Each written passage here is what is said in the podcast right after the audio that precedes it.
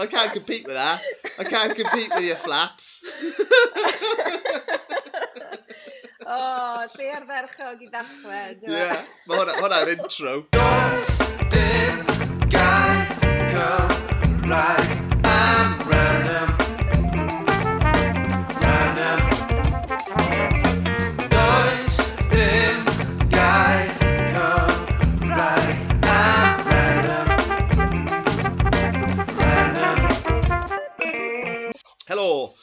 croeso i benod 58 o Does Dim Gair Cymraeg am Random gyda fi, Llwyd Owen. Yn ymuno gyda fi heddiw ar benod gyntaf erioed o'r podlediad i gael ei recordio o bell. Mae menyw effachol o dalentog, so get your sick bags yn barod. Antores, cyfansoddraig, cerddor, nofelydd, academydd a ddysgwr, doctor, dramodydd, sgriptiwr teledu, sgriptiwr radio, theatr a ffilm cynhyrchydd teledu a ffilm, fucking hell. Unrhyw beth arall? Na? Good. Croeso mawr i'r shed rithiol i Fflir Dafydd. Diolch yn fawr, Llywyd. What an intro. Iawn. Ffocin hell. O, oh, ycha fi, ycha fi. Bach o overachiever, Fflir? Uh, to, bach fel Jack of all trades, master of none, i ddechrau. Well. Fi'n cre... fi cre... na, fi'n credu, ti'n uh, o'n i'n gweithio ffordd fi trwy bethau, trio wneud bach o bob peth ar yr un pryd. A wedyn, ti'n yn rafol iawn, ti yn gweithio mas fel, oh, be ti actually methu arbenigo no? be ti just, it's just byth yn mynd i gyrraedd y safon ti eisiau, a wedyn ti'n, ti'n meddwl, ti'n dropio nhw, wrth ti fynd yr un, a ti'n sylweddoli, sa moyn neud y stwff mae'n gyd. Just canolbwyntio. Yeah. So, wyt fel... ti'n meddwl bod ti wedi ffeindio dy gyfrwng delfrydol te gyda uh, sgript y teledu? Fi'n meddwl bo' fi, achos fi'n credu bo' fi yn berson eitha cymdeithasol ac yn licio cydweithio gyda pobl. A dyw hwnna ddim wastad yn gweithio ar gyfer sgwennu, ydy e, ti'n modd, um, sgwennu nofelau ac yn y blaen, lle ti angen dy ddisgyblaeth unigol. Oedd yn anodd ar y dechrau, so o'n i'n meddwl falle ar y dechrau mae nofelydd o'n i, a pam nes i ddechrau gorfod cydweithio gyda pobl a addasu gwaith a oedd yn strygl i wneud y naid na, a unwaith ti wedi derbyn, oce, okay, ti'n mynd i gael llwyth o nodiadau, a ti'n mynd i, ti'n mynd, ti'n mynd i goffod ail weithio pethau hyd syrffed, ond wedyn ti'n rhoi ar rywun arall a maen nhw'n creu e yn mynd i rhywbeth, ti'n mynd, hollol arbennig, a ti'n gweld bod y cywaith yn rhywbeth cyffroes iawn, a dwi jyst wedi ffindio'n rhythm i drwy jyst canolbwyntio ar y sgwennu, am fwy na lai am, am ti'n bod, be, mae Luned nawr yn wyth oed, a fi'n cofio oedd hi'n fabi, uh, yn cael ei bwydo pam o'n i yn pitcho syniadau teledu cyntaf fi. Felly, ti'n meddwl, mae'n 8 mlynedd o really dim ond wneud hwnna, a os i ti jyst yn dim ond yn wneud un peth a roi dy hun drosodd iddo fe, wedyn ti yn gallu rili really datblygu mm. sgil, a falle fi'n fi edrych nôl nawr dros yng Ngyrfa i ar holl to, pot, potsiau yn o bethau, a nes i ddim really byth roi cyfnod hir o amser i dim un o'r pethau yna yn y ffordd fi wedi dyledu, ti'n gwybod? Efe, Felly dyna efe, sut dwi wedi gallu. efe um, mater o tywod, cymorth ariannol yw hwnna, ti'n meddwl? mae ma yna ma rhywbeth yn y ffaith, ti'n meddwl, bod ti, mae arian teledu yn caniatau ti dal i'r morgais a gwybod bod ti'n gallu cyfiawnhau dy swydd di fel sgwennwr mm. a ti hmm. ddim yn goffod fel fath o ryw mymblan o fi'n sgwennu achos mae pan pobl yn gweld y gynrychiadau di ar dyledu a pethau, mae'n teimlo'n falle'n tywod, yn, yn, yn legit. Mewn ffordd, ti'n bod, mae'n dyle nofelau a llyfrau deimlo ar un fath, achos mae'n ti'n bod, lot fawr yn fwy mewn ffordd o waith meddwl a paratoi cynllunio yn mynd mewn iddyn nhw. Ond yn ffordd y teledu sydd yn cyrraedd y cynlleidfa oh, tywod, fwyaf. O, hollol, hollol wir, y gair legit yna ti jyst ni defnyddio. E, mae e mor wir, a o'n i'n siarad am, am hwn gyda Griffith Owen ar y benod ddiwetha, am y ffaith, ti'n ma, fi 13 nofel mewn i fy ngyrfa, ond, ti'n ma, dim ond falle nofel rhif naw o'n i actually dechrau gweithio pobl, neu, neu, neu, neu dim, dim gweithio pobl, ond se rhywun yn gofyn beth i'n neud am fywoliaeth, ti'n ma, bys ni'n rhoi cyfieithydd mm. ag awdur, fel mewn, mewn cromfachau, yeah. ti'n mo?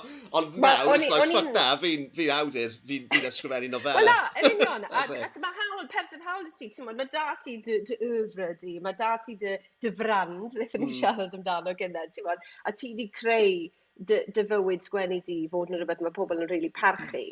A fi'n credu mae lot o fe hefyd yn just yn credu yn dy hun fel awdur sut ti'n rhoi hwnna mlaen i bobl. A fi'n credu o'n i unrhyw peth y ti o'n i'n galw fy hunan yn ti'n modd, yn ddarlithydd ac awdur am spel pan o'n i'n gweithio yn Abertawe.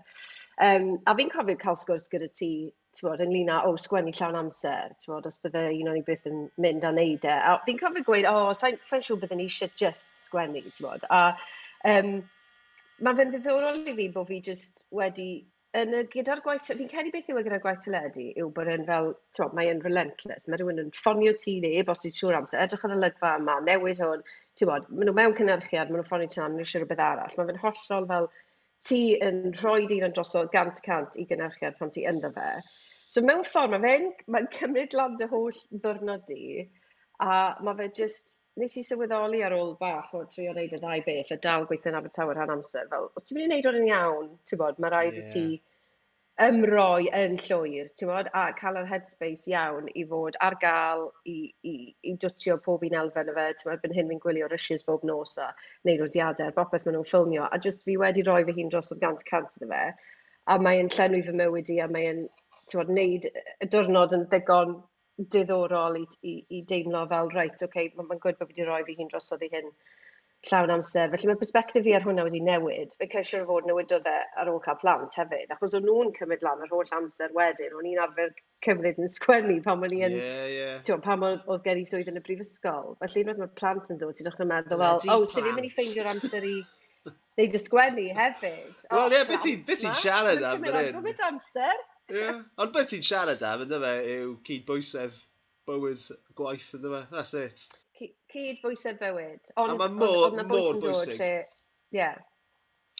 Ydy, a fi'n credu o'n i jyst yn sylweddoli hefyd gyda'r swydd yn Abertawe.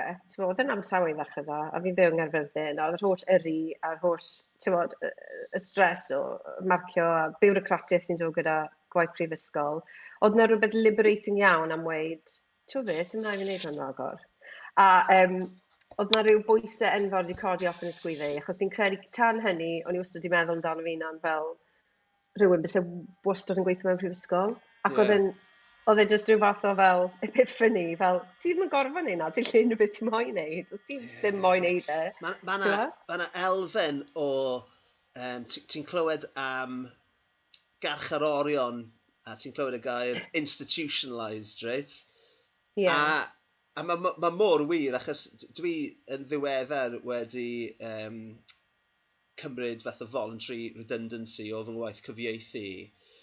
Um, a, so, so dwi'n dwi, dwi weithio'r llawr i dde nawr. a mae ma yna eogrwydd. Um, er enghraifft ddoe, nes i basically wneud dim byd. Ie, yeah, a mae diwrnodau... o, ac o'n i'n teimlo mor eog, a mor fel, to, o'n i wedi treial neud cwpl o bethau, a o'n i jyst wedi methu, ti'n fo, a, a, ac o'n i'n teimlo hmm. mor eog, ac o'n i'n teimlo wedi gwastraffu diwrnod, oedd Lisa fy ngwraig i sydd yn, sydd yn chwarae teg, fy, fy ngwraig, um, dyma hi jyst yn mynd, ti'n mo, mae gyda ti, mae gyda ti podlediad fori, mae gyda ti dau ddwrnod o waith, llawrydd fel cyfieithu diwedd yr wythnos, mae gyda ti commission llyfr newydd, fucking chill out, mate. Just chill out. Chill out. Chill. Uh, Ti'n gwybod beth? Mae okay, ma fe, just dim eisiau tymon eon, fi wedi dod dros fy hyn hefyd. Achos fi'n cael dynodau fel yna, lle fi just fel, right, fi'n mynd i cac y banana, ti'n gwybod? a um, Oh, fi fi'n really sick o, o cacennau banana, by the way. Mate, achos... fi gyda ti, fi wedi gwneud shitloads Oh my god, how many brown bananas can you cope with? Um, so, um, yeah, paid teimlo'n eog, yeah. paid bit teimlo fel achos... Achos rhan pwysig o dy waith di yw ymlacio. Um, fel mae San Sandra O oh yn dweud, an important part of my work is resting, obviously. Sandra O, oh, my lifestyle yeah. guru. So, um, os y'n ni'n gallu cadw'n hunan yn chilled, mm. wedi cael diwrnodau um, bod, fel na, achos mae rai diwrnodau yn hollol blinking bonkers o stressful. So ti, mae'n yeah. cydbwysau ddew eto. Ond yr er, er, er, institutionalised yna, y teimlad yna, yw'r ffaith fi wedi gweithio ti'n mo, fel cyfieithydd ers dros 15 mlynedd a mynd i swyddfa a neud y job a dyna dy, a ti'n gwybod lle o'i ti, a wedyn, yn, ti'n mo, jyst yn y, yn y, y tair peder wythnos diwetha yma, fi jyst yn teimlo fel, oh shit, gotta get that money, man! Dyna'r peth, yma. Ond y, ti'n bod, nes i deimlo bod ra- o mae rhaid fi gael job a mae rhaid fi gael gyrfa. Ti'n bod, i wedi gorffen doethuriaeth a o'n i just, ti'n bod, oedd yn ceinio gyda fi yn enw, really. O'n i fel, reit, mae rhaid fi gael job. Ond oedd gyda But ti just mynd rownd doethuriaeth warren- ar gwaith... R.S. Thomas, R.S. hwnna'n talu Thomas. bills. Ti'n ffili mynd rhywun gyda dy ddoethuriaeth di, yn just mynd fyny'n arian i ti. So o'n i fel, mae rhaid ti gael job, a wedyn nes i ymgeisio, ges i sydd yn coleg y drydno gyntaf a wedyn dath y job ma lan yn, yn, yn Abertawe, dda fel dream job, ti'n bod, darlithu sgwennu creadigol, great. Ti'n bod, gyda deg munud hapus iawn fyna, ond o, o, a o'n i'n teimlo fel, ie, yeah, mae ma, ma job dy fi, y pwrpas dy fi, fy'n enll arian, fi ddim yn ddibynnol yn neb arall, mae hwnna'n bwysig iawn i fi, ti'n bod. Um, Ie, yeah, a, a, a oedd hwnna'n, oedd hwnna'n, ti'n ma, mae hwnna'n dysgu pethau ti hefyd yn dweud, ti'n ma, mae'n rhaid ti, mm gael jobs a mynd trwy'r stres yna i ddysgu pethau i ti a dysgu sut, be ti ddim eisiau gwneud, ti'n bod, a pa mor stres ti ddim eisiau bod am bethau yn y pen draw. So, a be fi'n joio am y mywyd i nawr, does na ddim byth y teimlad fel no seal na, ti'n modd, oh, just fel, ah, o, oh, fori. Yeah, yeah. Mae pob diwrnod fi'n cael yn greadigol yn manageable, dwi e ddim yn stressio fi mas, ti'n modd. Na, mae hwnna'n lle hyfryd i gyrraedd a i fod, ond mae wedi bod yn daith hir fel pawb, i gyrraedd fyna fflir, so beth am Do. mynd, beth am fynd... yeah. nôl i'r dechrau. nôl i, uh, i fath o gwreiddiau hambonaidd fflir Dafydd. Oh, the real hambon, ie. Yeah. o'n i ddim, yeah. ti'n gwybod be, o'n i'n meddwl ta o gyfyrddin o ti. Ond, o ti? Ie, yeah, ie, yeah, ond sa'n gwybod pam, ond, uh, wel, nalle ti byw nawr, I suppose, so o'n i jyst yn gwneud camgymeriad, ond... A nes ti hefyd weid wrth y... Ie, a nes ti hefyd weid fi unwaith. Nes ti hefyd weithio fi unwaith bod ti'n meddwl bod fi'n classic only child. Fi'n cofio na, dwi'n dweud. A fi ddim gyda I llaw. stand by that. Ond ma brawd gyda ti. ma brawd bach gyda fi, oes. So, yeah. and I still stand by it. Um, so, plentyndod um, Henryw Llan, dwi'n iawn? Ie. Yeah. Lle the fuck Henryw mae Henryw Llan? Just, ie, yeah, yn union. Neb yn gwybod y se, Mae just fel rhyw fath o pentre Sally Malin ar y fe, ti'n bod? Mae allan yng nghefn gwlad, um, ddim yn bell o land y sil. Okay. Um, pentre bach rili really hyfryd i dyfu lan yn ddo, ti'n bod? Capel, um, ysgol sil, just pawb yn mynd i dau gilydd, um, lot o chwarae mas yn y ceia, ti'n Tewa, just bod yn hollol wledig a just wneud hwyl dy hun, really. So Chwarae then... yn y ceie, wyt ti'n meddwl yeah. gwthio gwartheg droson yn nos? Ddim gwartheg da ni, i wedi gwir. Oedd na geiau, fi ddim yn gwybod beth oedd yn ddyn nhw. Oedd na ffarm gyfagos, oedd e ddim rili'n really ffarm o unrhyw beth. O, oh, um, yeah eisiau yeah. edrych ar hwnna. O, o fath, mae'n angen aerial fyw o'r ffarm yna, fi'n meddwl. So wedyn, falle llwyd Owen plot yn mynd mlaen. Bach yn dodgy. Wel, um, ti'n gweld beth mae'r ffarmwrs ma'n neud, yma, mae'n rhaid arall gyfeirio. oedd na gwbl y geffylau, cos oedd na, oedd na, nath caff fach yn ei farw trwy ni'n meddwl cael ei gicio'n rwff gan un o'r ceffylau. Ond just... does dim tystiolaeth o hynny. Does dim tystiolaeth. os ti eisiau Os ti eisiau dilyn hwnna lan fel thriller plot hefyd. Um, oedd e just yn... Oedd e jyst yn bentre, ti'n fod, neis i dyfu fyny ynddo. Tan o ti, ti'n fod, 16, o ti wrth y fodd na. A mm. wedyn, mm erbyn o'n i'n yn arddegau, o'n i really ddim moyn byw yn Penillianos. Oedd e fel, o, sneb o fol yn dreifo i bo fan hyn ar ffordd getre, eisiau fi'n mynd i gyrraedd nôl yn y sweithi mas, bla bla bla. Ond na, oedd e just yn, ti'n oedd yna ddau fachgen dros nesaf, fi ymrawd wastad y chwarae gyda, a oedd e just yn hawdd, ti'n modd, plentyndod dod really hawdd a gwledig a uh, silly. Nawr, dy fam di yw'r bardd, awdur, etc. Mena Elfyn. A so dwi'n dyfalu bod eich tŷ chi yn llawn llenyddiaeth a mo, y celfyddydau a diwylliant. Ydw i'n iawn i feddwl hynny? Wel, ti'n modd, oedd, oedd na lot o, yeah, lot o lyfrau yn tŷ, lot o, ti'n modd, pwyslais ar straeon a, ti'n modd, oedd, be fi'n cofio mwyaf am beth oedd mam yn ei pan o'n i'n tyfu lan, oedd bod hi'n cael ni sgwennu scripts bach ma, a, a stwff, ti'n bod, byddwn ni'n neud dramau bach a stwff yn yr ysgol sil, o'n i'n really joio hwnna. Oedd hi'n rhoi'r um, cyfrifoldeb i ni i greu ein dramau yn hun. Ti'n bod, so oedd dramau, ddim dramau'r geni traddodiadol gyda ni yn ysgol Sul, ond rhywbeth rhywbethau really wacky, ti'n um, a o'n i fel, o, oh, gais gwni can yn gyfer hwn, a o un tro oedd rhaid i mam actually tapio fi ar ysgwydd a gweud, ti wedi bod yn chwarae nawr am 10 munud, maen ma nhw wedi cael digon, a just please stopio. a just, um, ti'n fawr, o'n i just, o'n i just wrth y modd yn neud y stwff na o oedran eitha ifanc, lle oedd y mrawd um, fwy o ochr kind of, ti'n feithiol, busnes, Um, a mae dad, ti'n oedd dad yn rhedeg gant y teifi yn Castell Newydd Emlyn a Oedd y ti ddau ochr i'r teulu, fi'n meddwl. Fi a mam fel y tywod, floaty, flaky, tywod, uh, pobl credigol a dad a, a meilir ymrawd yn fwy o bobl, tywod, call a, tywod, yn, yn mwy o diddordeb. Nid i ffeindio'r dynamic yna mewn lot o deuluoedd, fi'n meddwl. Ti'n meddwl, mae'r to, fi jyst yn meddwl am, am fi a Lisa, fy ngwraig, fi'n meddwl amdano ti a dy ŵr di Iwan. Ie, Ying and Yang. Ie, mae fe'n wir yn dweud, achos mae ar gyfer pobl creadigol, mae angen uh, y gefnogaeth, yr, uh, y llais synhwyrol yna yn y cefndir hefyd yn Oh my god, oes. Just dychmyga byw gyda awdur arall am hyn yeah. lle. Yeah. Bydde ti ddim yn cael bod yr unig ego ti. Na, na, na, na, na, na, na, fe'n syni fi am sydd ti'n cwrdd a fel dau actor sy'n byw gyda, ti'n ti, ti, briod neu mewn, ti'n bod, perthynas yeah, i'r dymor. Yeah. Bloody hell, siwt mae hwnna'n gweithio, cos ni gyd yn gwybod siwt ac mae siwt actorion no, no comment ar hwnna. Okay. Gwythio gyda gymaint yn nhw. Okay, Ond um, on hefyd, ar yr un pryd, oedd fi am rawd really mewn i ffilms, ti'n yeah. Byddwn ni watcho fel absolutely popeth. A gwylio fe mwy nag unwaith. Fi'n siŵr o'n i'n gwylio Nightmare on Elm Street fel tra o'n i'n ysgol gynradd. A just, ti'n Ie, mae hwnna definitely yn, yn y penodau dwi wedi darllen. a just, um, ti'n mo, fi just yn cofio, na fy mam a dad yn gweud, oedd fel, oh, trowch hwnna off nawr, ni gael mynd ysgol, dim fel trowch e off. mae'n fel boi gyda cyllill am fysedd, gyda gwad bob man.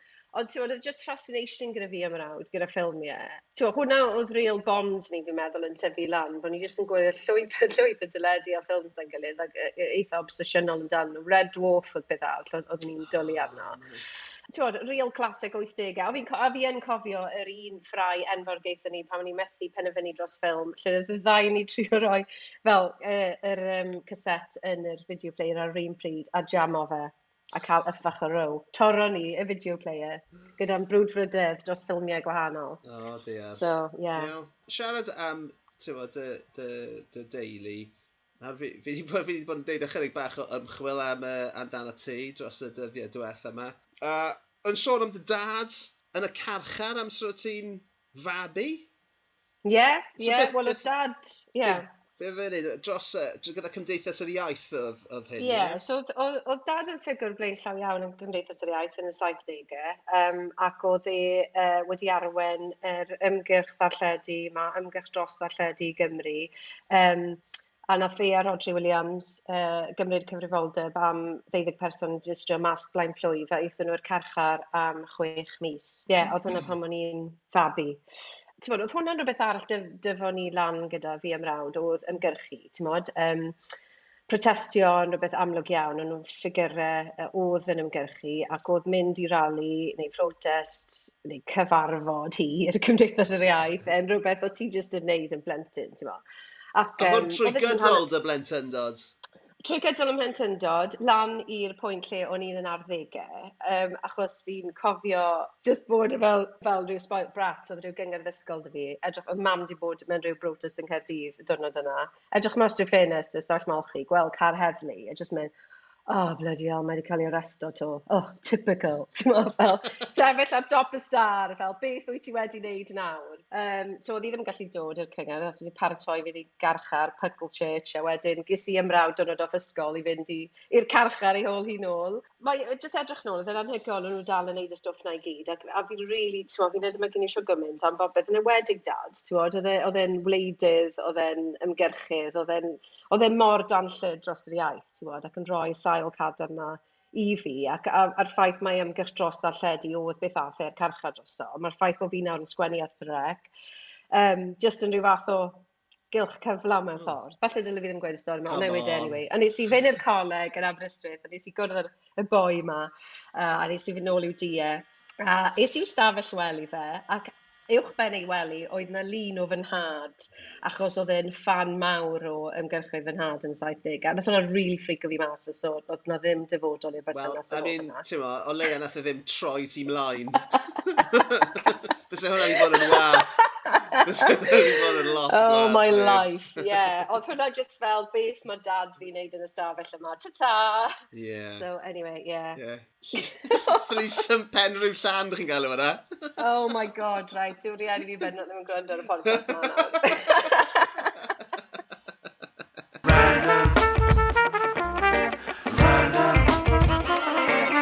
Yeah, so oedd gen ti frawd. Beth yw end o frawd?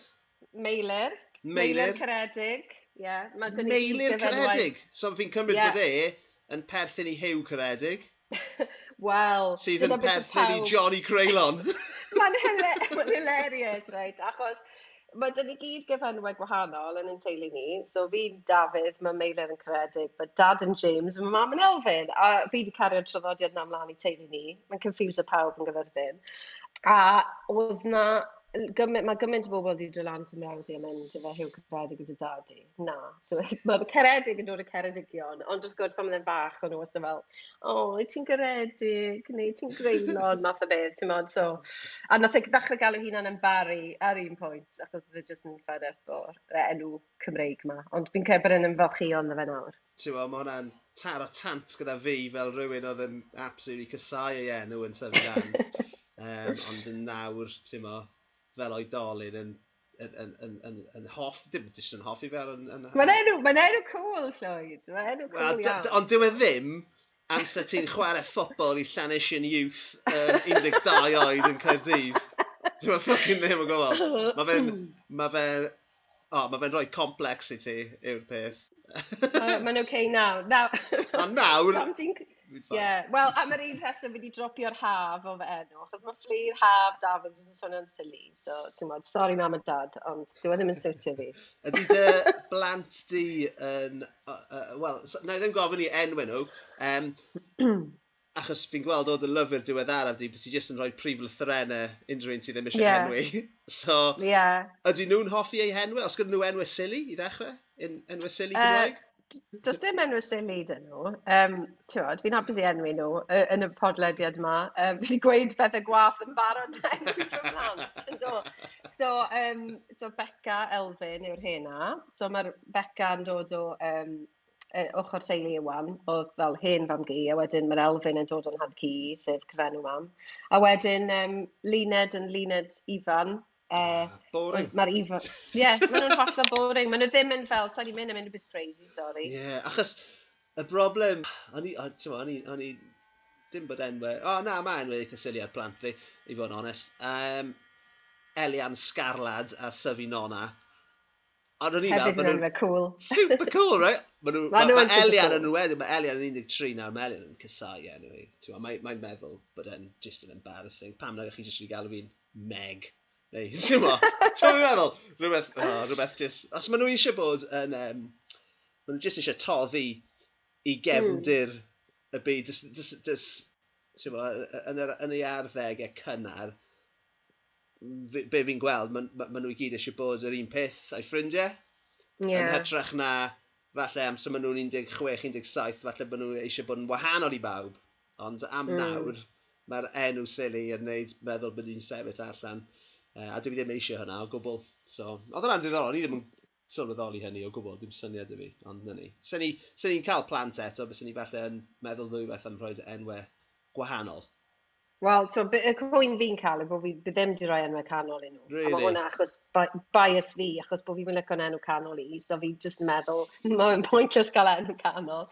Um, So dyna, ti'n a maen nhw wedi bod yn rhoi rai i'w hunain, achos dyna be maen nhw'n teimlo sydd ddim yn helpu nhw blender mewn, bod na ddim enw canol. Yeah. So maen nhw just yn neud rai lan. Yeah. Ond uh, mae pawb yn tyfu mewn i'w henw nhw, fi Gobeithio. meddwl. Nath yn hadu, i, siarad am, am enwau canol, nath yn hadu ar ei benblwydd yn 18 oed, ath e lawr i'r fath o uh, registry office, a, a just delay dau enw canol e trwy deed poll.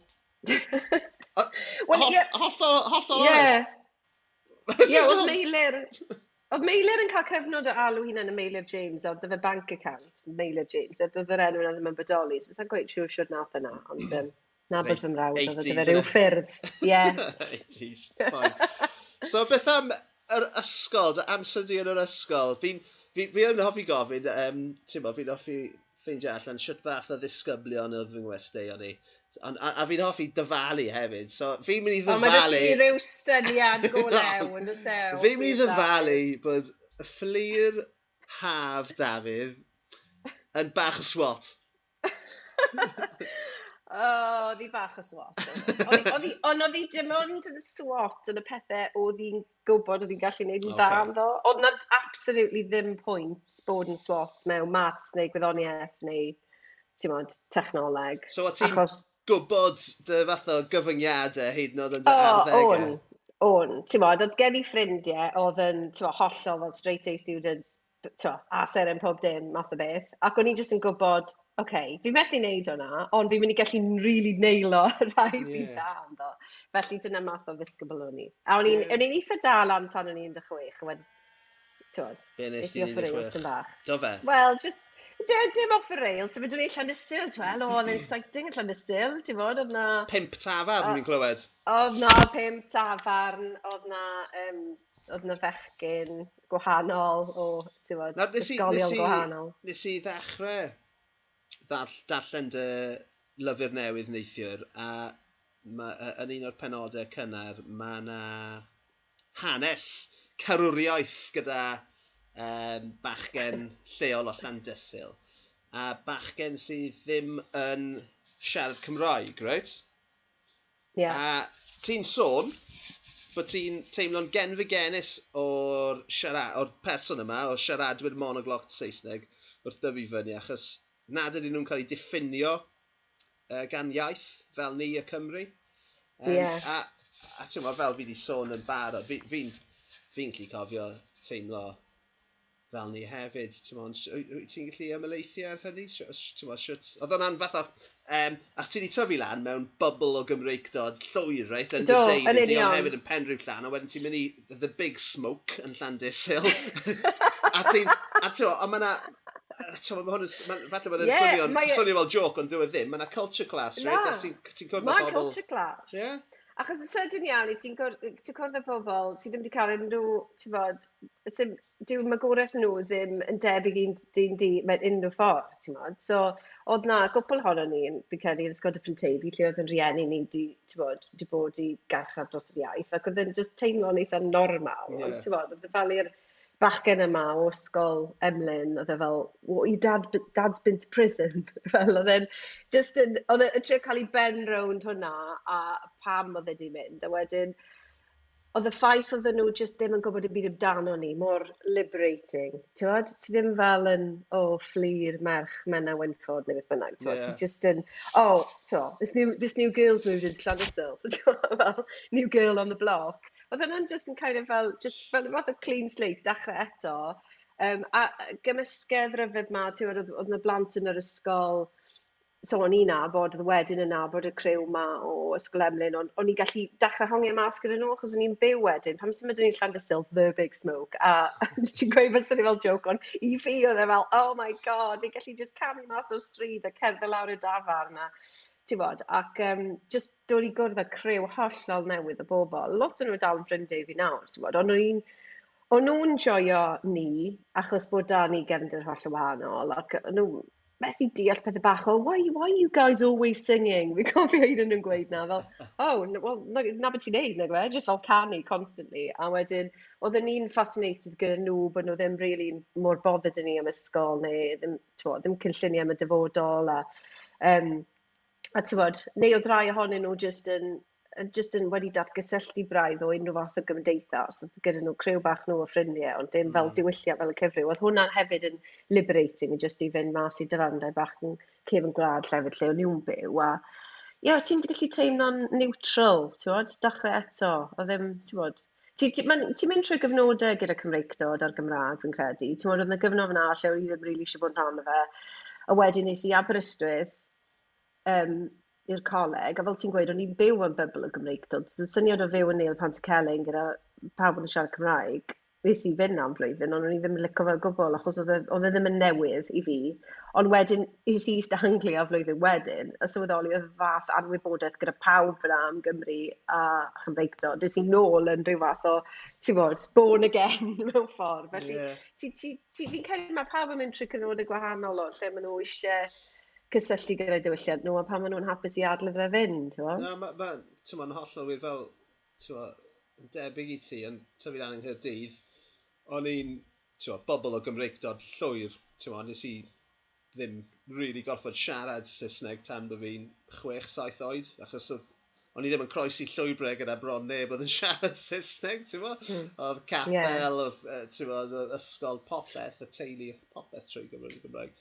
Ond ie, yeah, oedd, oedd perthynas lletchwyth, bys ni'n gweud, gyda fi ar iaith trwy gydol fy arddegau, as in, o'n i'n teimlo'n reit embarrassed gan fy enw, achos erbyn, ti'n oedd, oedd, oedd peth wedi flipo wedyn yn yr arddeg, os o'n i'n mm. chwarae pel droed i glybiau, um, lle oedd, oedd, ti'n o'n i'n, fy teammates i o ysgolion a o gefndiroedd hollol wahanol.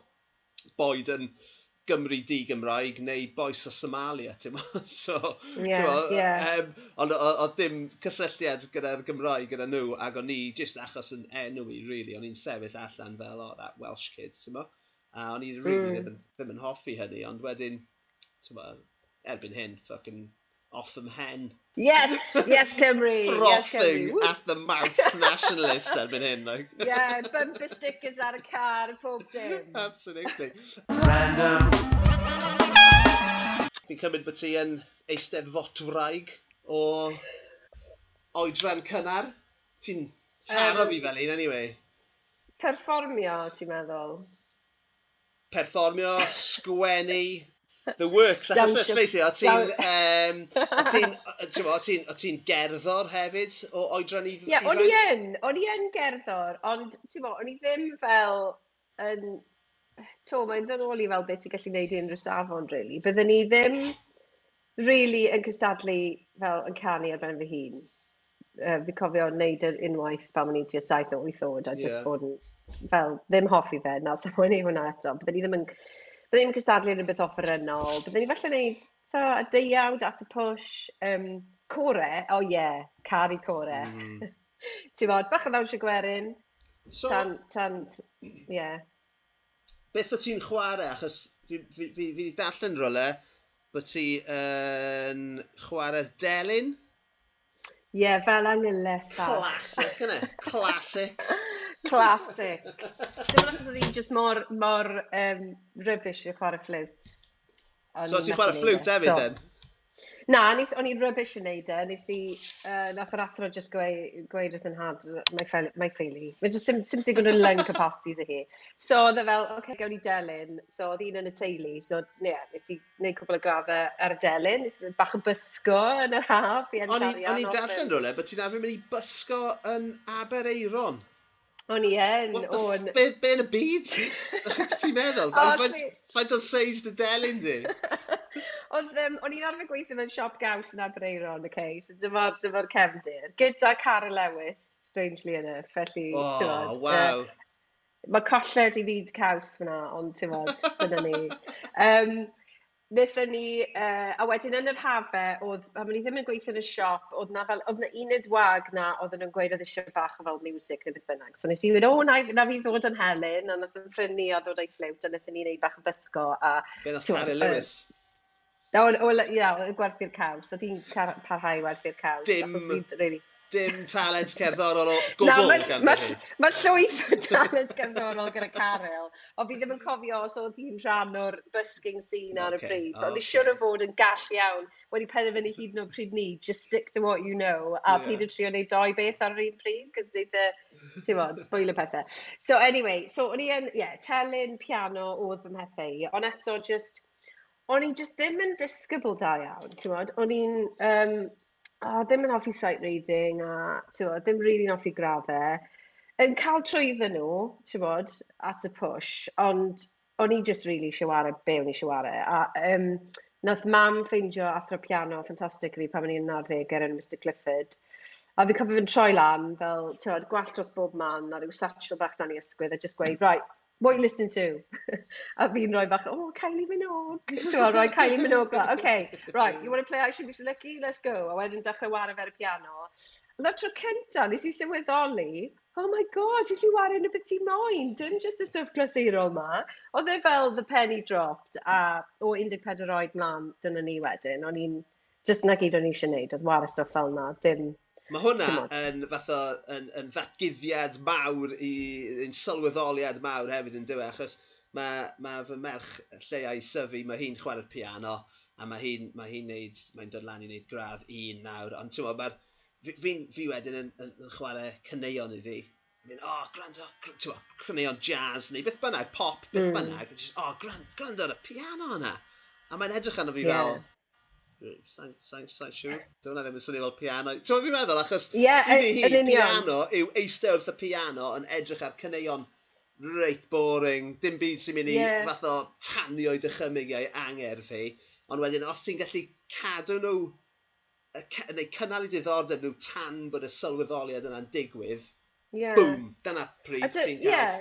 fflir Dafydd ar dy law wedyn, ynddo nhw? E? Wel, dyna pryd, dyna un o fel ddigwyddodd e gyda fi, fi'n credu. Fi'n credu o'n i'n falch o'n i wedi dysgu rhyw faint o, ti'n ti ddarllen cyddoriaeth a ti wedi werthfarogi fe'n glasurol, ond unwaith ti wedi sylweddoli, o oh, waw, mae'n yna'n fwy i hwn. A fi'n gweld falle yn ferch iengau i Leined yr un math o ddisgybl, ti'n bod, sydd yn... Neith fi edrych ar y copi weithiau, ond rili really mae'n cofio fe a dwi ddim really moyn darllen. A wedyn, so fi wedi bod yn neud, fi wedi bod yn neud bach o honky-tonk blues gyda hi, jyst iddi gael gweld, o, oh, okay, nawr, gyd i wario beth i moyn ar y top. A hi fel, o, oh, wario beth i moyn? Mae fe jyst mor syml yeah. y syniad yna o wario beth i moyn. Ond ie, yeah, oedd wedi cymryd spel i fi sylweddoli bod hynny'n bosib. So, oedd um, ti mewn bands yn yr ysgol? Mae yna un perfformiad ill-fated sydd yn aros yn y cof oedd yn total disaster. Nes i gael electric guitar a rhyw nadolig, un coch, oh my god. A wedyn nes i benderfynu bod fi'n mynd i, ni'n mynd i wneud band i gyfer steddfod ysgol, mae'n fod yn really cool. A i fod yn really cool, mae rhaid ti glymu dy siwmp yr ysgol rownd y ganol, ti'n modd? Yeah. A rhoi dy, dy dei ar ongl.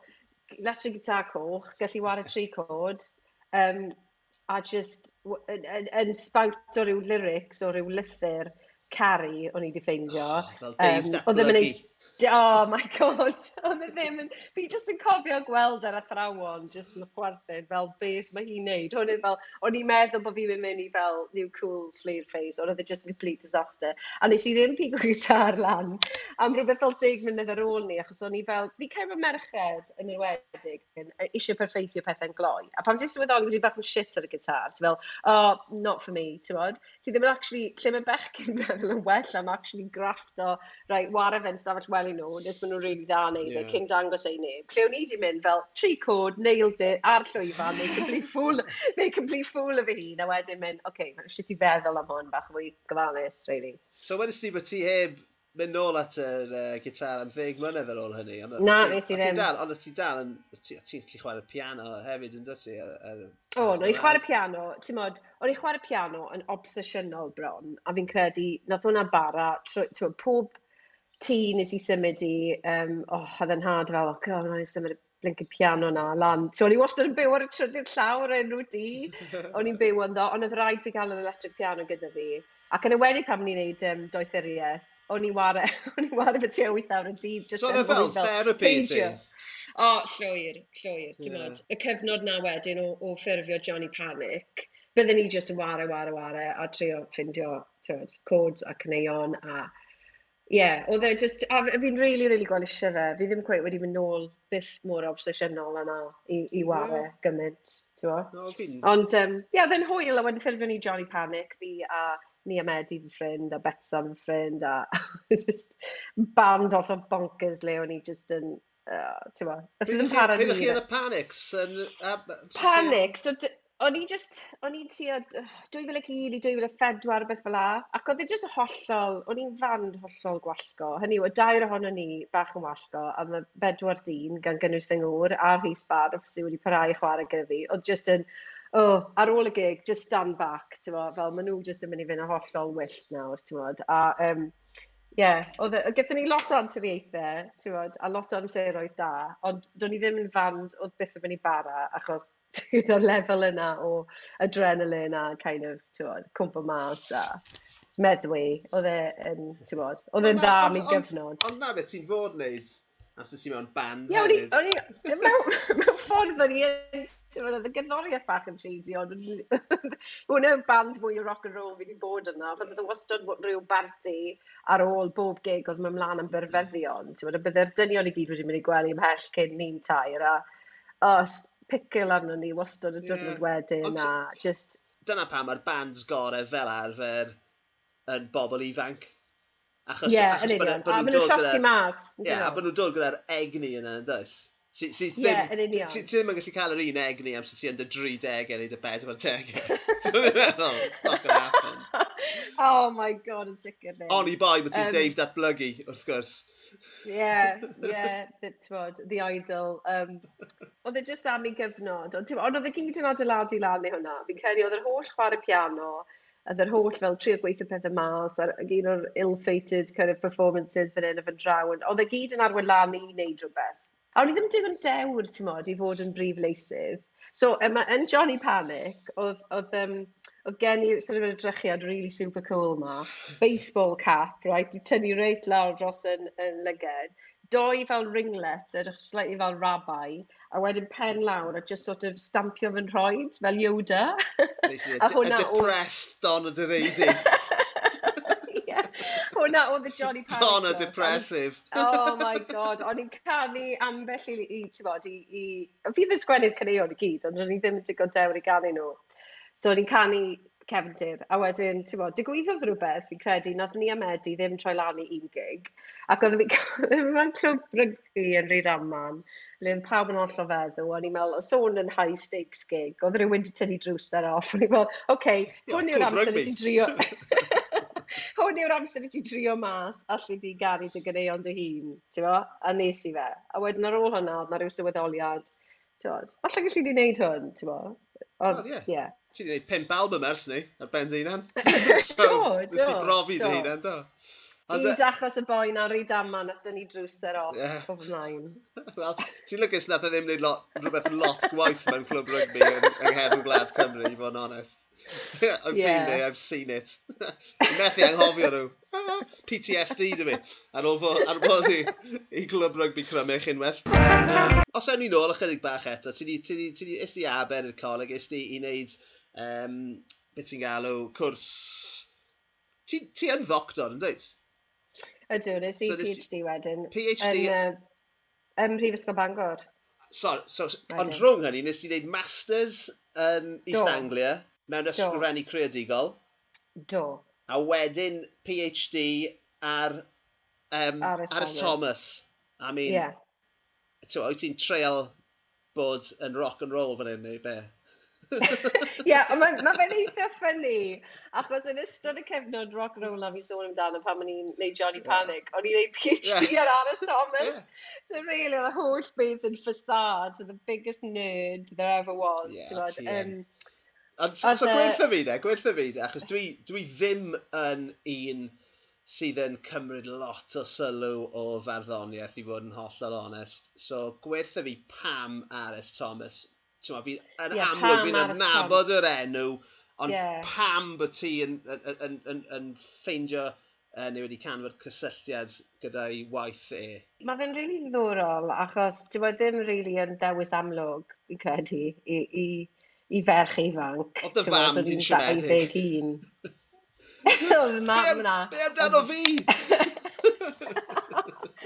Wel, so fi credu, fi wedi meddwl lot am hyn, beth yn un o'n oedd e. O'n i wedi um, ges i'n nysgu gan Kerry Wyn Jones, y prifel Kerry Wyn Jones pan o'n i'n ysgol, a oedd hi angerdd fe at Aris Thomas, a ffordd wnaeth e gyflwyno'r farddoniaeth yna, oedd hwnna rhywbeth di, di aros gyda fi. So pam nes i, fi di aber a nes i ddechrau, nes i rhyw prosiect hir ar RS, a dechrau darganfod bod yn sgwennu lot o ryddiaeth hefyd, a bod dy fe berthynas gymleth ofnadw gyda'r iaith Gymraeg. A deoliaeth RS yw beth sydd wedi apelio at fi, fi'n credu eriod, y ffaith oedd ti rhywun oedd yn, oedd yn ficer, oedd e ddim yn gyffyrddus iawn yn y sefydliad yna, oedd e'n sgwennu barddoniaeth yn Saesneg, oedd e eisiau sgwennu yn Gymraeg, oedd e darganfod y Gymraeg yn hwyr iawn yn ei fywyd, oedd e'n gallu bod yn berson anodd, oedd e'n gallu bod yn berson hynod o glen. Ti'n bod, deoliaeth fi'n credu. O'n i'n gweld deoliaeth y Cymru i gyd ynddo fe. A fi'n credu dyna beth o'n i'n ffindio fascinating, a dyna beth o'n i, o'n i jyst yn teimlo mae rhaid fi weld hwn i'r pen. Mae rhyw fath o gysylltiad rhyfedd gyda Ares mewn gymaint o ffyrdd wedi bod gyda fi a popeth wedi wneud ers ni hefyd. Mae fe wedi um, cael dylanwad, ti'n meddwl bod ei waith e wedi cael dylanwad dros y tŷ yn bersonol ac yn broffesiynol ers hynny? ti'n meddwl? Do, bendant. Ti'n meddwl, um, wedyn, ti'n meddwl, is i mlaen i sgwennu parch gyfres am Ficyr Benywaidd yn sgil y ffaith nes i raglen ddogfen ar ares a nes i dreulio amser yn eglwys Aberdaron uh, yn trafod gyda pobl oedd yn nabod e ynglyn â'i gymlethdod e am yr eglwys. Fo. Felly mae ma yna rhyw hedyn o ares yn hwnna a wedyn pam o'n i yn y llyfrgell yn gorffen noethuriaeth i arno fe, dyna pryd nes i ddechrau meddwl am ddyfeisio y llyfrgell, y nofel. A mae rhyw gysylltiadau bach o hyd dwi'n teimlo bod e fel bron mae fe'n arwen fi ar bob un prosiect arall, ti'n mynd. Um, Mae'n rhyfedd ddo, achos ti'n mae pobl jyst ddim yn deall e. Nhw, achos oedd i agweddiad fy nywod yn, yn, yn, ychydig yn amheus ar y degau. Fi'n cofio Lloyd Robson unwaith ac eisiau cael go enfawr at ni fel, why are you writing about a bloody priest? a oedd e ddim yn deall beth oedd yr... Um, t'mod, bod na fwy ares na hwnna, mm. ti'n gweld, achos mae'r ddelwedd ti'n gweld, ti'n gweld, o'r, uh, nath rhywun roi ar y uh, Tyrrell's crisps unwaith. Ti'n gweld nath nhw'n neud fel stock images, uh, parsnip crisps, a rhoi nhw llun o Aros Thomas ar flan yr pecyn. Nes, obviously, nath lot o bobl gwyno ddau, ond nhw'n just fel stock image of a, oh, ti'n gweld, wild looking vicar. um, so mae'r ddelwedd, mae'r ddelwedd yn yn groes i beth oedd, achos mae gymaint o gerddi caru telenegol na, a ti'n gweld, y telenegol anhregrwydd swynol oedd e o ddihudo fi o'r dechrau, ond wedyn nawr fi'n wedi ffindo rhywbeth lot mwy gritty a cymleth a tywyll ynddo fe. Ond, um, ti'n tywod, os ai byth nôl i astudio fe to, sa'n gwybod, ti'n tywod, mae ma Sill Aras Thomas dy fi tu ôl fi, ond fi'n siŵr iawn beth i, fi ddim yn gwybod beth i wneud gyda fe. Ti'n methu taflu pethau, ti, no way. tywod, er bod y doethuriaeth wedi wneud. A... Ti di ennill, wel, ti di wneud y double yn yr Esteddfod, yn do, ond cyn hynny, nes di ennill y fedal lynyddiaeth yn y Steddfod Genedlaethol yr Urdd 1999? Do. Do? Do. A, a beth, Do. beth oedd y darn yna? Beth, beth oedd ti di... So, oedd y fedal lynyddiaeth, os ti'n cofio, oedd yn gystadleuaeth, um, achos dwi ddim yn bodoli ragor, oedd yn gystadleuaeth le wyt ti'n gallu rhoi ymrywiaeth y ffurfiau mewn, a wedyn wyt ti'n cael dy gyfrol dy hun wedi'i chyhoeddi uh, ar ddechrau'r wythnos dyfod yr urdd. Felly, oedd e y gystadleuaeth o'n i really, really eisiau ennill. Mae lot o ffyrdd fi feddwl na'r peth gorau fi rwy wedi sgwennu, achos oedd na ddim... So, so oedd na gasgliad o ryddiaeth so, o farddoniaeth? Casgliad o rydd, ryddiaeth, barddoniaeth, oedd na un gerdd bros hir, oedd e'n am ryw a lot o gerddi pytiau bach fel vignettes bach. Ac oedd e just yn uh, pen llanw lot o fynyddoedd o drio cystadlaethau gwahanol a ddod na agos y brig, ond ddim ennill. A gyda'i gilydd fel casgliad, oedd yr holl beth jyst gweithio, ti'n bod, ac oedd... Um, ie yeah, fi'n edrych yna bob hyn hyn a meddwl o dyna so, rili special am hwnna. Ydy'r casgliad yna ar gael i'w brynu?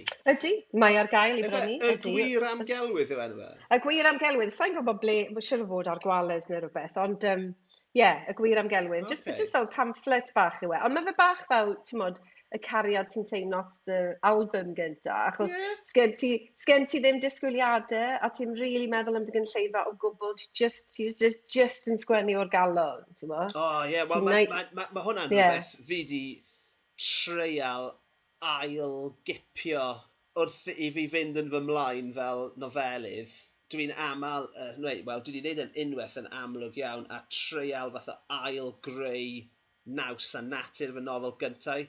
Cos oedd y na, hmm. oedd mm. nofel gyntaf fi yn mes, ond mae lot o bobl yn caru fe, achos... Fi'n fi caru, fi'n caru fe. Fi'n caru dy nofel gyntaf di, a fi'n cofio darllen e, a fi jyst yn cofio meddwl, waw, pwy yw'r boi yeah. yma? Achos oedd e jyst rhywbeth mor amrwyd a mor ddoniol a mor, ti'n bod, fi yeah, ddim yn mynd i dalu sylw i gonfensiynau llynyddol. E Ie, yeah, well, ond fi ddim yn ymwybodol ohonyn nhw. na, na, Ond ti'n meddwl be, mae'n yna ma lot i wein, dys e, fel ni, ni, ti yn ffeindio rhywbeth really, mae ma rhywbeth hudol bron, dros e, weithiau mm. cyntaf pobl. Oh, well, Ond dyna pam... Ond jyst yn aml, y peth cyntaf ti'n clywed gan artist neu fand, neu'r peth cyntaf ti'n darllen gan uh, awdur, yw'r peth ti'n hoffi fwyaf, ie? Ydy hwnna'n wir yn yeah. achos ti? Ti'n fi'n fi meddwl am, just, o, gallai, off top fy mhen, fi just yn meddwl am fi wedi caru gwaith E&M Banks er enghraifft. 40 o nofelau, ond yr un dwi'n caru fwyaf yw'r Wasp Factory a hwnna oedd y yeah. pwynt cychwyn. Ond, ti'n so, a mae'r un peth yn wir am lot o artistiaid, ti'n Ie, fi'n yeah, fi credu, ti'n modd, mae'n ddiddorol beth ti'n gweithio am trio ail-greu beth yeah. ti'n gwneud yn dy waith cynta. achos ti'n fi weithio fi'n edrych ar y gwir amgelwydd, a fi'n cyfri hwnna fel y gwaith cynta. so, oedd Lliwi Eliw Nos fel nofel gynta dechnegol, ond fi ddim yn gweld, mae ma hwnna fel yr ail beth i fi. A wedyn fi yn meddwl os na rhyw, ie, yeah, mae'r tele, beth sy'n sy yn yr un cyntaf fi'n meddwl yw telenegrwydd a fwy o ddyfeisgarwch, lle fi di, Fi 'di colli rhyw rymyn o hwnna, fi'n credu, wrth fynd ymlaen. Falle, falle bod... Um, fi'n credu falle oedd y, y llyfr diwethaf, llawer Gariadau, rhyw fath o ymgais i gyrraedd nôl at hwnna, mm. ti'n bod, ond gyda profiad bywyd, ti'n bod, menyw 40 oed yeah. nawr a... Um, Ie, yeah, mae fe, ma fe, ma fe ti'n modd, ond eto i gyd ni'n ffindio pethau gwahanol mewn nofelau gwahanol. Ie, yeah, wel gyda fy nofel rhif, nofel rhif naw neu rhywbeth, y ddyled, nes i eistedd lawr a mynd, fi yn mynd i dreial ail greu fy nofel gyntaf i, ond jyst trwy llygaid dyn 40 oed. Mm. Um, a fi'n fi, a fi meddwl taw, fi'n meddwl nes i lwyddo, a fi'n meddwl taw y ddyled yw'r peth gorau fi wedi ysgrifennu uh, yn, yn, yn, hyd yn hyn.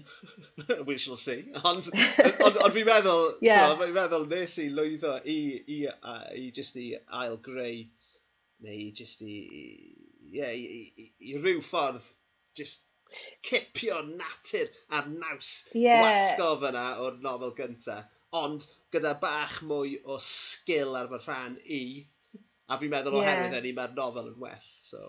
so Mae'n yeah. rili really ddiddorol beth ti'n gweud hwnna. Dy'r ymgais ni'n neud yn ein gwaith ni gysylltu nôl gyda fersiynau cynt o'n ni ei yeah. hun yn fel awduron. Yeah. Mae rhywbeth really fascinating yn hynna, fi'n meddwl. Ti'n modd. A Mae hefyd, ti'n bod, ti, ti, ti hef, mae hefyd yn codi cwestiwn rili ddiddorol na, yw fel, ydy, ydy cynulleidfa, ydy adolygiadau, yna ydy'r pethau yna i gyd yn sort of ymyrryd ar hyd y ffordd, os ydyn nhw'n is-ymwybodol neu beidio, ti'n bod? Mm um, yn ymyrryd gyda pwy ydyn ni fel awduron, fod ti'n gwybod, rai, o, oh, fydd y nofel yma'n boblogaidd, neu fydd yr un yma bach o'i nish, neu ti'n os ti'n meddwl, ti'n ti methu peidio rili really meddwl am dy gynulleidfa, ond eto, Mae yna fwy, fwy o abandon. Fi'n credu yn yr y Lloer sy'n newydd yma, so yna fwy o fel wild abandon o fel, fi jyst yn mynd i weid beth fi eisiau gweud, a fi ddim yn fecso beth mae pobl yn gwybod amdano fi'r agor. Fi jyst, ti'n meddwl, mae'n fwy hunan gofiannol, mewn ffordd fwy agored ac uniongyrchol. So falle bod fi gyda hwnna, falle yeah, bo fi wedyn. Gyda'r math o lyfr, gyda'r mm. math o lyfr ti wedi ysgrifennu nhw, lloer ganiadau, sydd allan wythnos yma, fi'n meddwl. Ie, um, yeah, ydy. Um, ti'n bod, oedd jyst y math o lyfr ti wedi ysgrifennu, mae ma rhaid ti fod yn onest yn dweud yn hwnna. Oes, oes. A fi ti... cael hwnna'n rhywbeth... Mae hwnna'n rhywbeth fi ddim wedi gwneud y blaen, really, yn y, yn y ffordd yna. Fi wedi really mwynhau darllen llwyth o beth ffeithiol greadigol. Fi cael ei hefyd, ti'n pan ti'n ti stryglan i ddarllen, a fi wedi stryglan i ddarllen lot dros y blynyddoedd diwetha, achos plant a Blindera, t'wod, blydi hell, gofod dal y lan gyda lot o gyfresu teledu, so mae'n rili hawdd gwylio cyfres, yn dywe, fel dy ymchwil di. Mae'n sicr yn haws gwylio teledu na dat sy'n llyfr. A ti'n fawr, a wedyn ti'n trio neu amser i ddarllen. no, fi'n ffindo, reit, mae non-fiction, pigio rhywbeth t'wod, darllen rhywbeth gan Lina Dunham neu rhywbeth. Ti'n bo, ti'n just gallu cael mewn iddo fe'n really hawdd, a wedyn ti wedi darllen e, a wedyn o leia ti wedi darllen rhywbeth. So fi'n credu lot o bethau yna sydd wedi bod yn dylwadu yn y fi, a meddwl, does dim lot o stwff ffeithiol greadigol yn Gymraeg. Mae lot o hun o'n gyfiannau, ond dim gymaint o fel, ti'n non-fiction yeah, fel no, menywod ifanc allai. Ti'n bod, dwi wedi dwi'n da, dwi darllen llwyth, ti'n bo, fi wedi cadw y llyfrau fi wedi darllen eleni am y tro cyntaf erioed a nhw'n ni'n cyfri nhw'n eithaf yn y bentor yn y shed, a um, fi wedi darllen 37 o lyfrau hyd yn hyn, tir 38 fed yn y, yn y pentor. Ond, ti'n ti ma, mae dy un di yn sefyll allan o bopeth all dwi wedi darllen, achos nofelau dwi'n darllen, ti'n ma? Yeah, so mae yeah. ma, ma, ma di yn sefyll ar wahân yn syth. O'n i wrth y modd da be fi wedi darllen hyd yn hyn, achos Tewa, ni'n adnabod yn gilydd ers, ers peth amser, ond dyn ni ddim yn adnabod yn gilydd yn dda. A fi'n teimlo hyn oed ar ôl tair penod bod fi'n adnabod ti'n well nawr na gwn i ddoi. A ti'n ma, mae'r ma, r, ma, um, ma fath o'r holl uh, set-up y llyfr yn ddiddorol a, a, a mod, y pwyslais yma ar dy berthynas di gyda'r lleiad. Nawr, ti'n bod, mm. sa'n lli gweud bod fi yn ystyried y bydysawd ehangach. mae fy, ma fy myd i yn reit goiedig ar hyn o byd i, i, i fan hyn, ti'n bod, ond... Um, a hefyd, fatha, um, dy berthynas di, ti'n meddwl beth sy'n dod allan yw bethau newid cymaint wrth cael plant, yn dweud? So, mm. wyt ti'n ti meddwl bod ti yn, a mae hwn yn clymu mewn gyda dy waith teledu di a ffilm wrth gwrs, a wyt ti'n credu bod ti'n fatho yn, yn, yn, ddim yn unig yn, yn berson gwahanol, um, ers cael plant. Os fi'n meddwl yn lloi'r ganiadau, ti'n gweud taw ar ôl cael plant, dyna'r tro cyntaf i ti ddechrau byw. Neu oedd y byd yn fwy amrwd y mwy real ar ôl cael plant, achos bod nawr yeah. mae, gyda ti, mae gyda ti deimlad o amser a ma, fel, bron fel bod yna gloc yn ticio nawr, mae rhaid ti ofalu ar ôl rhain cyn bod tîm yn unrhyw hit, cyn bod nhw'n gallu gofalu ar ôl ti bron. Ti'n meddwl, mae'n rhyw gylch, uh, yeah. gylch Ma... bywyd, a ti, a ti ddim yn ymwybodol o hynny tan bod plant yn cyrraedd. A amser nes i ddarllen yna, o'n i fel, boom, fi lli cofio teimlo hwnna.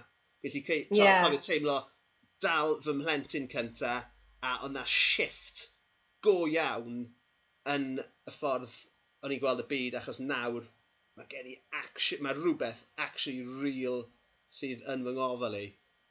Mm. I don't know os bod yna gwestiwn yng nghanol yna, rwy'n Na, na, na, mae'n fynd ddiddorol, achos um, dwi'n cael ei tam, beth fi'n gweud yw bod, bod bywyd yn dangos ei hun i fi yn sydyn yeah. iawn yn ei holl, ti fod, uh, hyfrydwch a'n hylltra, popeth, achos yn ywedig, ti'n bod, a fi ddim mewn i hwn mewn ormod o fanylder, yn ywedig sydd ar ôl gen i babi, so bod fi'n cymaru fe gyda reit, ti'n bynnag fel ochr dywyll y lleiad ma, lle ti'n gwybod, mae pobl yn cael babis, mae pobl yn bodoli, so mae rhywun wedi cael nhw a mae genedigaeth yn digwydd, ond ti ddim actually'n gwybod beth yw e, nes ti'n mm. neud e, a oh my god, ti'n bod, mae gen i babi yn just yn brofiad hollol bonkers, gwallgo, arallfydol, ti'n just fel, oh my god, beth sy'n digwydd, ti'n bod, um, yr, er, yr er, cryfder sy'n rhywsyd yn ffindio i fynd trwy'r hyrddiadau o boen ma, t'mod ges i enedigeth well fi'n credu'r ail dro gyda Luned achos o'n i'n gwybod beth oedd yn dod, o'n i fel reit barod amdani fi'n gwybod ti'n t'mod ac oedd hi fel 14 diwrnod yn hwyr so o'n i fel fi jyst yn moyn poen i ddechrau nawr t'mod. Yeah. Um, ac fe ddath hi mas ti'n t'mod um, o fewn ti awr a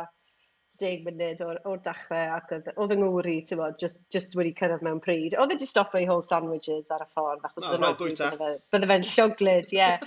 so, ti'n bod, oedd e just yn cyrraedd, just aros di draw fyna. Ond ti'n bod, mae yna rhywbeth fel, oh my god, fel momentous am y foment yna, lle ti'n sylweddoli beth mae wedi gorff ti yn gallu wneud. Mae'n teimlo fel bod ti'n, ti'n bod, fi wedi gweud, mae'n teimlo'n agos iawn i'r profiad o farw hefyd. I mean, dim bod fi yn gwybod beth mae hwnna fel, ond just, mae'n mae teimlo fel, mae bywyd am yr wolaeth yn y foment na, just yn yr un lle, a mae yeah. just popeth yn, waw. A wedyn, wedyn mae'r babi'n dod mas, a wedyn ti'n mynd adre, a wedyn ti'n ti fel, oh my god, beth fi'n ei nawr.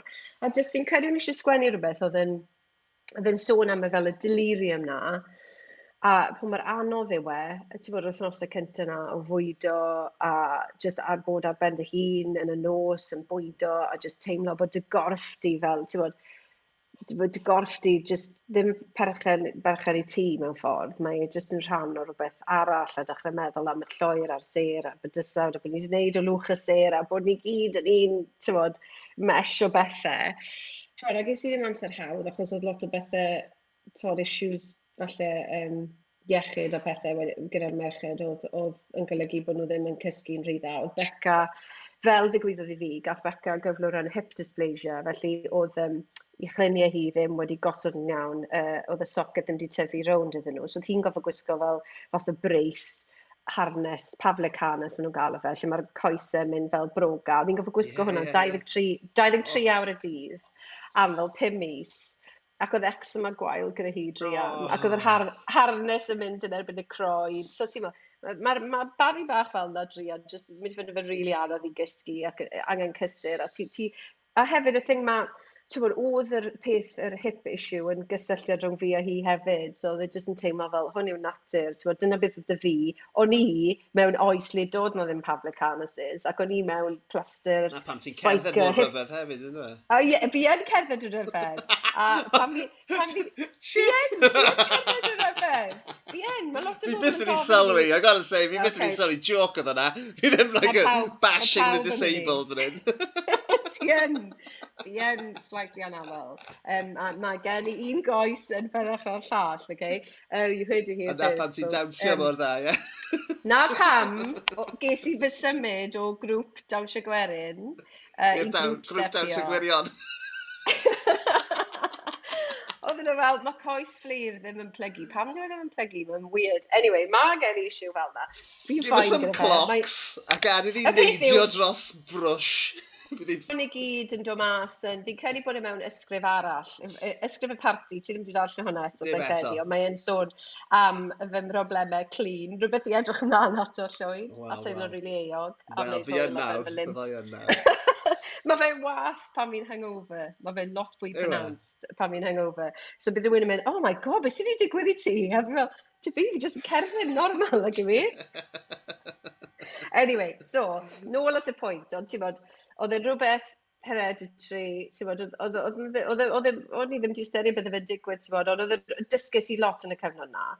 A ti'n bod, fi'n gwybod bod yna bobl, mae'n y famau yn mynd trwy bethau lot, lot gwaith yna ar ran anableddau gyda, ti'n bod, pethau sy'n bod ar eu plant nhw, a jyst roi oedd e mewn welediad bach iawn i fi o beth mae lot o bobl eraill yn gofyn mynd trwyddo, a gymaint o, ti'n bod, gymaint ti'n dysgu, ti'n ti'n clywed lot o bobl yn sôn ynglyn â, ti'n bod, pan mae pethau'n bod ar eu plant nhw, mae fe'n dysgu pethau ti amdano ti dy hmm. hunan ti'n dod yn berson gwell ac yn y blaen. Nath e neu fi fwy, to, sicr fwy tyff a fwy parod am unrhyw beth, fi'n credu. Ti'n gwybod, um, a ie, yeah, mae hwnna gyd yn yr ysgrif yna. Oedd e ddim yn, ti'n bod, oedd e ddim yn iselder fel cyfryw, oedd e mwy o fel bod yn amser upsetting ofnadw, ti'n bod, a bod fi'n trio'n galed iawn i ddal popeth at ei gilydd a trio dal wneud popeth yn oce. Okay. A fi'n credu bod hwnna'n jyst yn gyffredin yn profiad mame. Ond y syniad bod ti'n anweledig hefyd, ti'n bod bod ti, ti, ti nôl y gwydr yn y nos ar ben dy hun.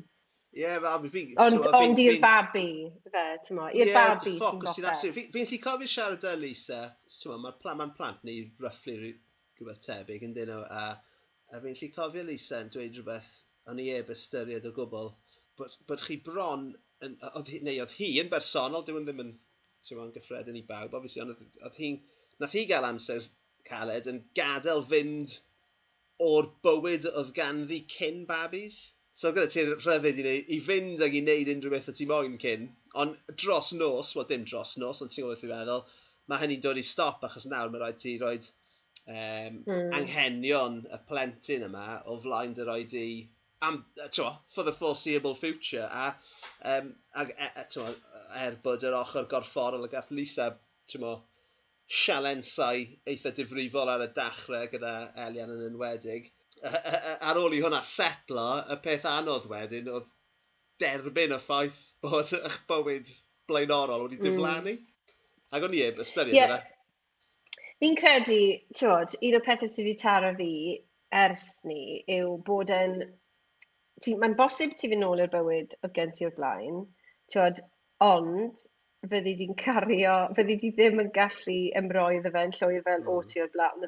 Er enghraifft t'mo' o'n i o'n i 'di ca'l cynnig wneud yr um, yr ysgoloriaeth 'ma fath o fellowship gyda'r gellu, oedd yn golygu mynd rownd gwyliau gwahanol rownd y byd. Great, so t'mo' so nhw'n ffantastig o beth i wneud. Ges i ges i wahoddiad i neud cyn bod fi'n cael Beca o'n i fel sori fi'n ysgol bach fi ni aros tym bach. So o'n i wedi cael luned, ac oedd luned o deg mis oed fi'n credu, le oedd y, oedd y peth ma fod i ddechrau, oedd rhaid fi fynd i Mexico, a o'n i just, fel edrych nôl, o'n i mewn lle eitha gwallgo ar y pryd, oedd e fel, o'n i wedi bod edrych mlaen iddo fe, ti'n achos oedd, oedd, oedd cael, fel ti'n gwybod, mae cael dwy adre sy'n fach fel yma, mae'n hollol relentless, ti just, o'n i wedi bod yn brydwynio, beth ti'n fel, fel hyn yfed cocktails yn Mexico yn mis Medi, ti'n bod, a wedyn ti'n mynd, A like gyd o'n i'n gallu gwneud, yw jyst edrych ar y flight path 'ma a mynd oh my god oh my god beth fi'n neud fi'n fi hedfan fi'n hedfan mor bell bant wrthyn nhw t'wo' fi fi methu credu fi'n mynd, ti'n t'wo' mor bell bant wrthyn nhw. Es di? Do es i es i am wythnos am wythnos right. Ond nes i ddim joio fe o gwbl achos o'n i just yn cadw meddwl beth fi'n neud dylen i ddim bod fan hyn, ti'n bod? Edrych nôl nawr ma' o'n nhw mor fach so o'n nhw'n cofio dim o fe. Oedd e, e amser oedd e'n amser delfrydol. Oedd e'n amser delfrydol i fi fynd, achos dyn nhw ddim callach nawr bod wedi digwydd. Mae lot yn wrth gael nhw nawr am ond wythnos. Ond yr ei eogrwydd o fod yn rhiant oh, yw hynna, ynddo fe? Oedd e'n horrible. Oedd e'n horrible. Oedd e just fel, mae dy ti, ti'n bod, mae dy bresenoldeb di nawr yn rhyw fath o fel, fath o currency, ti'n bod, mae pobl eraill ddim wastad yn gallu fforddio, a wedyn Mae'n ma really odd. Ti, ti wastad yn mynd i gael graddfeidd gwahanol yr teimlad mm. yna, fi'n credu, achos ti ddim yn unigolyn rhagor y ti. Ti'n rhan o'r tîm ma. Na, so, fi, fi, yeah. fi wedi... Twa, ag eto, mae'n ma swnio, mae ma wythnos off yn swnio'n delfrydol, ond mae'r un peth yeah, yn digwydd i fi cwbl o weithiau yeah. gyda um, Lisa a'r merched yn um, gwed mynd, mynd i'r gogledd i weld lle, teulu Lisa. A, a fi'n gweud, o oh, na, mae gen i lot o waith i wneud, so felly fi dilyn chi lan ar y pen othnos. Right? Banana, banana wedyn, cakes, dwi'n ei wneud. Wedyn, mae'r ma, ma fel y 24 awr cyntaf jyst yn nefoedd, achos chi jyst fan hyn ar ben eich hunan yeah. yn mynd, o oh, ie, yeah, fi gallai literally neud unrhyw beth fi moyn o fewn reswm. Yeah. A, ond wedyn, o fewn 48 awr, mae yna jyst rhyw, rhywbeth yn yn bola chi, mae yna rhywbeth, mae yna rhyw, mae yna rhyw fatha gydran ohono ti sydd ar goll, a dyw FaceTime yeah. a phone calls ddim yn mynd i wneud i. Ar ôl tri diwrnod, chi jyst yn mynd yn absolutely insane, a wedyn chi jyst ar y tren no. nesaf rhan i weld nhw. Mae'n ma, ma hollol od. Yeah. Ti'n modd, a fi wedi dysgu efo'n hyn, os fi yn mynd i wneud pethau fel yna, fi gen i mae rhaid fi fod yn hollol occupied ac yn brysur. O, oh, ie. Yeah. Yn beth bynnag fi'n neud, ti'n modd. So, fi wedi, nes i gyrsiau ti, ti newydd nes i rhywbeth o'r enw labordi gyda sbrec, a Oedd hwnna, oedd, oedd, oedd reina'n eitha relentless, dyn nhw, un seminar yn dilyn llall, oedd ddim lot amser ti feddwl. Ond y trip na i Mexico, dwi'n credu, oedd a, lot o lolian rhwng y sesiynau o'n i'n neud, tywod, cyfle i fynd mas a joio fy hun. O'n i ddim yn joio fy hun, o'n i jyst yn cario edrych ar clipiau o tywod fy mlant. A mynd, yeah. ni ddim yn credu na fi wedi dod. Anyway, tywod, dyna, dyna beth ti'n ti wynebu yn dyfer bod ti'n bod bod ti yn... Ti ddim wedi datgysylltu'n llwyr, byth, i ti. Na, dim ond na, ti'n methu, ond Ti'n ond, yeah. mae hwn yn cysylltu mewn gyda dy waith llenyddol di, a mae, mae fe'n werth um, nodi bod ti wedi wneud y dybl yn yr, yn yr Ysteddfod Genedlaethol, ti wedi ennill y feddwl ryddiaeth a Daniel Owen, legend. Yeah. Yeah. Da, mae'n amazing. Mae'n Wel, oedd 'da fi thing, oedd 'da fi thing bod fi really, ti'n bod, bod fi really hoffi ennill y fedwryddiaeth Ie. cyn cael babi. Oedd 'da fi thing am y tiwna. A wedyn nes nes i ti, lwyddo cael un arall mewn cyn cael babi, so o'n i'n really chuffed gyda hwnna. Ie, yeah. oedd e'n uchelgais, bod, na i gyfadde ni. Ie, Oedd so- e'n gret. So gwerthu fi, uh, jyst i atgoffi, uh, y llyfrgell enillodd Daniel Owen yn dyfyn 2009, Ie. yeah. fe lliwiau Ie. yeah. liw nos enillodd uh, Y tyn- y tyniad. Y tyniad. Fel am enlli, ie. Reit, a oh, ie, yeah, a mae hwnna'n rhywbeth fi eisiau siarad gyda ti am yn, yn gloi erydd. O ti'n um, ti fath o uh, awdur preswyl yn ys Enlli? O'n i yn. Siwt ydw i'n cael y gig yna? Ie, yeah, sa'n credu nhw'n wadl neb na beth to ar ôl i fi bod na. Nes i sgwennu dau lyfr am yr ynys, yn y ffordd o'n i'n gweld y lle, a ti'n fod, fi ddim yn credu bod falle'r ynyswyr yn ffans mawr o fy ngwaith. Atgoffa fi pan, dwi, dwi ddim yn, ddim yn, yn, yn, yn cofio bod ti wedi ysgrifennu unrhyw beth three while. Da, ti'n fod, mae'n just, mae'n just argraff awdur o'r, or Ynys yw e, ti'n modd, ac, ac um, fi just yn meddwl, ti'n mynd i wahodd awdur Bristol na i sgwennu rhywbeth am yr Ynys. Wedyn dyna beth ti'n mynd i gael, ynddo e, ti'n modd, um, oedd e'n just yn, oedd e'n gyfnod really, really pwysig ac allweddol yn y mywyd i. Oedd e'n chwech wythnos. 2002. Am, am um, faint mor hir? Chwech wythnos. Nice. A dros yr haf, oedd hi'n haf braf iawn, oedd na grew o bobl really, really diddorol na, ac oedd na stwff yn digwydd o hyd, ti'n bod, oedd e ddim yn feidwyaidd fel bydde ti'n disgwyl, oedd na degau meidwyaidd falle, ti'n bod, pam oedd yn flatmates i neu'n lighthouse mates i yn mynd, mynd adre, uh, a o'n i'n arben fy hun. Ond oedd e just yn, oedd e just yn agored, o'n i ddim really di profi dim byd go iawn o'r blaen fi credu. Oedd e fel profiad bywyd cynta go iawn fi, just fel fi yn cael rhoi ar ynys i ddod mlaen gyda pwy bynnag oedd na, a just fath o profiad Big Brother aidd a wneud dy fywyd bach dy hun. Oedd e'n, ti'n bod, dysgu stwff am forloi ac am bysgota, am, ti'n bod, archeoleg, a y bydoedd yma, ti just ddim really yn meddwl bod nhw'n bodoli. A to, Aros Thomas, right, oedd yr symboliad i fynd yna, achos Aros Thomas yn un o bobl oedd wedi bod yn flaen llaw yn yr ymddiriadolaeth yn Ys yn helpu brynu'r ynys ac yn y blaen, a sgwennu llwyth o gerddi am yr ynys. So nes i fynd na, yn ganol y PhD yma, meddwl, o, bwriad fi yw dod i nabod Aros Thomas yn well. A beth ddigwyddodd oedd dis i nabod fy hun yn well ac oedd na gymaint o'n i'n gorfod sgwennu am y lle na. So, so, so, yeah, so troi oedd atyniad wedi 20,000 Saints a A wedyn, yeah. ti'n bod, fi'n gweld e fel ti'n bod, fy ngwaith llenyddol s- dyf- dwfn cynta rili falle. A dwi'n um, hollol gen fi genfigenus bod ti wedi cael y cyfle yna. Cos uh, sa'i, sai byth wedi bod i yn y sen, Enlli, bys ni wrth y modd yma. yna. Dyn nhw, chwech, chwech Mm. wythnos. Na braidd yn hir. Mae'n i- o, no, they just- Nath e hedfan neu? oedd e- Na, na fe, o'n i ddim eisiau gadael. No O'n i way. wedi cwmpa mewn cariad o'r lle, ti'n modd? Ti 'di bod nôl? Fi wedi unwaith, ond um, oedd e'n brofiad diddorol. Fel wedys ti, fi ddim yn siŵr bod yr ynyswyr yn um, fans mawr o fy ngwaith fi. Nes i fynd olau i recordio um, cyfweliad gyda John Cawe um, am Ares. Uh, o'n i'n gwneud rhaglen o ddogfen am Ares. Ond um, oedden ni mewn, mewn ac allan, neitha cloi, cyn mwyn i'm gweld fi. Go iawn, mae'r wael o hynny. Dyma'r broblem, reit, i ti'n cael os y ti'n awdur sy'n moyn sgwennu am beth i pethau go iawn, neu sefydliadau go iawn, neu lleoliadau go iawn. A ti'n mae hwnna yn un o'r pethau sydd yn gyrru fy ngwaith i. So, ti'n bod, yn ysennllu llyfrgell genedlaethol, fi'n sgwennu am yr amgueddfa genedlaethol. A fi'n credu ti gorfod disgwyl fath o, rhyw fath o ymateb, mm. ti'n bod, i hwnna gan y bobl sydd naill ai'n byw na neu'n gweithio yn y sefydliadau yna sydd falle yn gweld y lle yn hollol wahanol, mm. a mae hwnna'n ffain, achos mae pawb yn gweld pethau yn wahanol. Felly mae'n un o'r risgs mawr um, fy ngwaith sgwennu, fi'n okay. credu, yn gyffredinol. Wel, ti jyst wedi, ti'n gwybod, crybwyll uh, y llyfrgell fyna.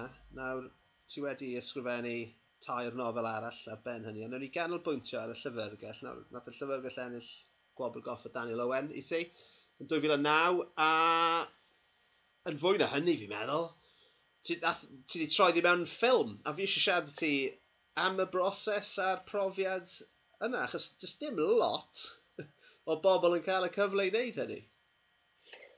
Nag os, so fi yn teimlo bod fi wedi bod yn ffodus yn hynny o beth. Um, oedd rhaid fi yrru'r peth yn eitha caled, ti'n bod, o'n i wedi gorffen y nofel oedd wedi cael ymateb da ac yn y blaen a wedyn nes i at y siarad ffilm oedd yn edrych am syniadau ges i arian datblygu gyda nhw, sgwennes i sgript yn syliedig ar y fersiwn yna, ond oedd tymor bach yn, yn rhyfedd o fersiwn. Ac o... Llyfr eitha rhyfedd, ond ygyfe? Mae'n llyfr rhyfedd, tweld. E oedd e ddim really mynd i... Oedd ddim yn mynd... Ie, hollol Yn llyfr weird iawn. A'r llun historiol cryf 'ma oedd y peth oedd yn gyrru fi at y Daniel Owen. Oedd fel, os 'na fodd wneud llun historiol cryf yn hefyd gyda plot hollol bad shit, yeah, am lynyddiaeth Cymru. Um, wedyn, o'n i'n kind of teimlo fel, oh, fi ddim yn credu bod, bod e'n mynd i fyny yn man, ond wedyn, Eiros Lynn oedd e fel linchpin yn hon fi credu. Uh, nath yr asiant dweud, o, ti'n bod, mae yna uh, gynllun gyda ni ar gyfer ffilms, micro-budget, allai hwn gael ei ystyried, ond ti'n eisiau mwy o waith ar y sgript, o bydd rhaid ti gael cyfrwyddwr on bod. So nes i, sort of, dweud, o, oh, beth am Eiros Lynn, a nath yna sort of edrych yn i fel, o, oh, oce, okay, os ti'n meddwl, mae fe'n mynd o'n board. Beth oedd Eiros o'n i wneud er, er uh, ar, ar yr adeg e yna? E, e, oedd e wedi wneud llwyth o bethau erbyn ni. So oedd Os mae fe'n gyfarwyddwr fel EastEnders a uh, stwff fel yna, dwi fe? Ie, yeah, wel, well, oedd e wedi wneud, erbyn ni, oedd e wedi wneud Doctor Who a Torchwood right, okay. a Broadchurch mas, okay. Lasangwyn Halifax, oedd e wedi wneud llwyth. Ond on, o'n i'n nabod e o gyfnod uh, yn unig cynnar, lle nes i um, gerdd yn mynd i weithio ffilm yn Prifysgol Bangor, a nhw wylom syniadau ar gyfer ffilmiau byrion i Esbyrrec a eiros sgyfarwyddodd y ffilm honno i fi. So o'n i'n, oedd ni gysylltiad cynt. Right, okay. So o'n i'n gallu mynd ato fe wedyn a cynnig y syniad ac unwaith oedd eiros on board, o ti'n gwybod oedden nhw'n cymryd mwy o ddiddordeb, really. Right, okay. a weithio ddeiros a fi'n galed iawn iawn am greu ffilm oedd yn mynd i weithio ar gyfer sinema, ti'n modd, nid... Ie, ie, weles oh, i fe yn y sinema, fel mae'n digwydd, is i i weld yeah. sinema. So, dwy ffordd i fynd gyda fe, dydw e, e, fel cookie car art house cinema, fel beth ti'n really deall beth yn ymlaen, neu ti'n neud psychological thriller sydd yn mynd i fod yn boblogaidd, yeah. a dyna'r fersiwn eithon ni amdano, fi'n credu. O, so, dyna oedd y penderfyniad cywir, fi'n meddwl. Beth oedd dy rôl di yna fe? Achos o ti'n fwy na jyst y sgript, you're reit? O ti'n i cynhyrchu'r ffilm hefyd, dod? Do, so nes i, wnaethon ni benni bod ni'n mynd i um, creu uh, cwmni ffilm, um, ffilm ffolin, so rhyw fath o fel fflir a lyn mewn gyda'i gilydd. Wnaethon ni wneud hwnna fel bod ni'n gallu bod yn hands-on iawn o ran cynhyrchu fe, o ran castio fe, o ran lleoliadau. O'n i'n gweld gyda cyllid bach, mae'n haws i gael tîm bach, bach o gyda jyst i mynd mewn i siarad gyda pobl. Er enghraifft, yn mynd i siarad y llyfrgell genedlaethol ynglyn â uh, hawliau ni a to beth allan ni wneud. Oedd, weithodd e'n well fel tîm bach ohono ni. Oedd Cheryl Davies Caitley gyda ni hefyd fel line producer. So, oedd ti ddim yn teimlo fel, o, oh, hollol a goll. Achos, mod, fel fath o gynnyrchydd creadigol o'n i, ti'n modd, yn gwylio rysys bob nos a roi nodiadau a falle bod o set ambell i waith, ond dim yr i aml os yw'n cael i'n gyrru os net sy'n bod o set weithiau, achos o'n i just, o'n eisiau gweld o'n wyneb i, beth o'n i'n meddwl ambell i take, a just fel, like, tod, rhywun i fynd ar awdur o ma. Achos ti'n, unwaith mae, ti'n bod, beth, beth nes i really joio am y broses cynhyrchu, oedd cael bod mewn gyda Tim yr golygydd, oedd na un cyfnod adegdolig hyn i wythau'r ffilm, lle ges i fod mewn gyda fe yn dewis t'wod shots gwahanol ar gyfer y diwedd glo a rili really dechre twtio fe a ffindio hwnna'n broses rili creadigol so ond dysgus i lot yn neud e. Ta'n gwybod os bydden ni moyn neud hwnna to. Beth oedd y budget ar gyfer y ffilm? Ie, yeah, 300,000, sydd ddim yn lot, really, am ffilm, nodwedd. O ystyried, ti'n modd, faint mae penod o, I don't know, The Crown, neu rhywbeth yn oh. costio, oes? Mae hwnna... So, bit, twa, ac yn aml gyda ffilms cynta, chi'n... Mae ma rhaid i chi geisio wneud lot gyda, gyda dim lot, os mae'n rhaid synwyr, ie? So, ti'n... Ti, ti, ti, ti eisiau wneud y gorau ti'n gallu, gyda, achos mae 300 mil, mae hwnna obviously yn lot o hmm. arian mm. ar lefel bersonol, ond ar lefel cynnyrchu ffilm, mae hwnna yn llythrenol yn ddim byd, right, yn y byd sydd o. Ydy, a ti'n bod, stori fy mywyd i, Llwyd, yw gorfod sgwennu pethau i i gyllid, ti'n bach a bod yn gredigol yn y ffordd yeah. fi'n gweld pethau ac yn darlunio pethau. A dyw hwnna ddim, ti'n bod, mae hwnna'n ma hwnna skill set eitha da, fi'n meddwl, oh, yn, yn y pen draw. Achos i ti rili really yn meddwl yn, yn ddwfwn iawn, os rili really angen y cymeriad na, neu ydy'r person yma'n gallu wneud y job just cystal, neu ydyn ni'n cadw'r stori yn fwy contained. Ti'n bod, dyna pam oedd yr ensemble cast bach na i llyfrgell yn gweithio'n gret, a ti'n pan fi'n gweithio'r gyfresu teledu, fi ddim yn, ti'n bod, gofyn am ddoi ambulance a helicopter mewn unrhyw olygfa. Ti'n gallu gofyn amdano fe, ond neud i ddim cael. Ti'n gwybod beth oh sy'n mynd i gael. Oh my god, ti'n gwylio rhywbeth fel Succession gyda, ti'n bod, helicopters yn mynd bob pennod, a ti just fel, so nhw even yn ei big deal o fe, so nhw even ar, yn, yn seithi helicopter yn fwy o cwbl eiliadau. A ti'n yeah. meddwl, oh my gosh, mae hwnna wedi costi mwy na fy nghyfres i, i gyd, ti'n meddwl? Ydy, na, na, hmm. na dyna'r dyna persbectif sy'n rhaid i, i ni gael, ynddo fe? Mae ma yna olygfeidd mewn rhai cynrychiadau, dim un o'r ffilm, jyst cynrychiadau teledu yn cost, wedi costio mwy hmm. Na, na dy ffilm gyda dwi. Ddim yn ei grac iawn. So mae ma, meddwl am tiwa, pa mor effeithiol oedd y ffilm. Um, fi'n meddwl bod hwnna yn um, deirnged mawr i, i dim jyst ti fel y scripture, ond i eidos hefyd fel y, y, y, mm. y, hmm. y cyfarwyddwr yn dweud. Nes i really, really mwynhau e, a wrth gwrs um, dyna'r tro cynta um, welon ni Catherine Stewart, neu fi anyway, gweld Catherine Stewart yn chwarae yn y prif rannau, a ymlaen i chwarae uh, Brif Ran yn bang wrth gwrs, a mae mm. hi'n actores wych. Does dim gair Cymraeg a random. Random. O ti'n gwneud cyfres cyntaf parch cyn y llyfrgell neu siwt siwt uh, timeline? Fi'n cre fi credu o'n i wedi gwneud gyfres gyntaf o parch ac o'n i'n sgwennu yr ail gyfres tra oedd y llyfrgell mewn cynnyrchiad, right. fi'n meddwl. So oedd e... e- Just achos oedd bywyd ti ddim yn rhy stressful. Na, ti'n fawr, e, actually, achos fi yn cofio, ie, yeah, mynd nôl a gwylio Russia's Park yn yr gwesti gyda'r nos lle o'n i arleoliad gyda'r llyfrgell. Um, so es i, ti'n modd, o fod yn neud braidd dim gwaith sgrin i fod yn neud yeah. popeth. Ti'n fawr, oedd e gyd ddigwydd ar un pryd. Ti'n fawr, ni wedi neud pobl y cwm, Um, Pryd ti ar pobl y cwm? O ti'n sgriptio pobl y cwm? Wel, cwpl do. Nes i cwpl o um, flociau. E. Nes i ddim para'n hir iawn. Ti'n bod ddim yn siwtio fi sa'n credu. Ti'n bod, awn i yn ysu sgwennu'r llyfrgell y nofel, a fi, na pryd nes i adael, fi'n meddwl, achos o'n i'n methu neud, yeah. ti'n bod, popeth ar yr un pryd. A wedyn, fi'n ceri i raddau wedi rhoi lan yn llwyr ar um, sgwennu ar gyfer y sgrin. O'n i wedi diastyru fe, bob tro oedd rhywun yn cysylltu gweud, o, ti eisiau ti'n tymor cwrdd i drafod syniad, byddwn ni'n gweud, o, wel, fi'n gweithio yn Abertawe, so rydyn ni'n really amser dy fi. Byddwn ni'n byddwn ni just ddim yn... O'n i'n ddiamynedd gyda'r peth yn meddwl, ti'n deithio ddim byd yn diwedd, so beth y pwynt. a fi credu o'n i'n iawn ar y pwynt yna, jyst i gadw ymlaen wneud y gwaith o'n i'n neud o ran yn y fele a'r darlithio. Ond eto, uh, hwn yw'r fel, fi'n fi, siarad am fagu plant nawr mewn ffordd really positif. um, o'n i adre gyda luned, o'n i ar gyflym ymolaeth a ges i e-bost o'r gwmni, boom, chwilio am syniadau. Ac o'n i'n chwilio am rhywbeth i wneud, os o'n i ar gyflym ymolaeth, o'n i fel, o, luned, ni'n mynd y caffi, gwrdd â, George. Uh, gwrdd â rywun gwahanol. A dyna pryd nes i, pam o'n i'n hollol sleep deprived, a tyfod bach yn wallgo, nes i pitio parch, a hollol methu credu pa mor tywod, gyflym nath y peth droi yn reality. Oedd e just, so, tywod.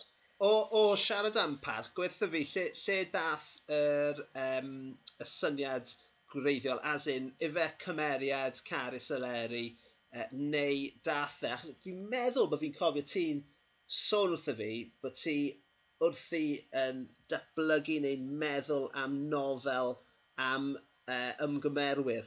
Yeah, Sef yeah. beth mae dy ŵr di yn neud am fywoliaeth, ie? Ydy, yn union. Dath y syniad o fywoliaeth, Iwan? Do, dath e. So ni'n bod yn hollol onest, dyna'r ongl ddes i mewn i'r syniad ato. So ni um, fan mawr o Six Feet Under, uh, obviously wedi priodi wedyn ym Gymerwr ar ôl gweld Six Feet Under. na, a wedyn... Yna'r prif beth nath dy, dy, yeah, dy ddenu di ato fe. O'n i chwilio am uh, Nate Fisher. I got character. access to the Mogler.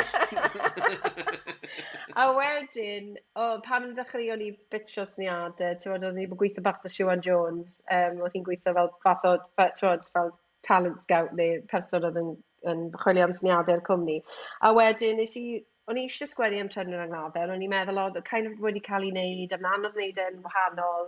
O'n i hefyd wedi bod yn gwylio The Big C, y byddi menyw, ti'n modd, sydd yn, yn dargafon fod ganddi ganser, ond mae'n dechrau rili really byw wedyn. A oedd rhywbeth yn, yn y dylanwadau yna i gyd, dechreuais i a Aros Thomas yng Nghefn yna. Oh, well, yeah.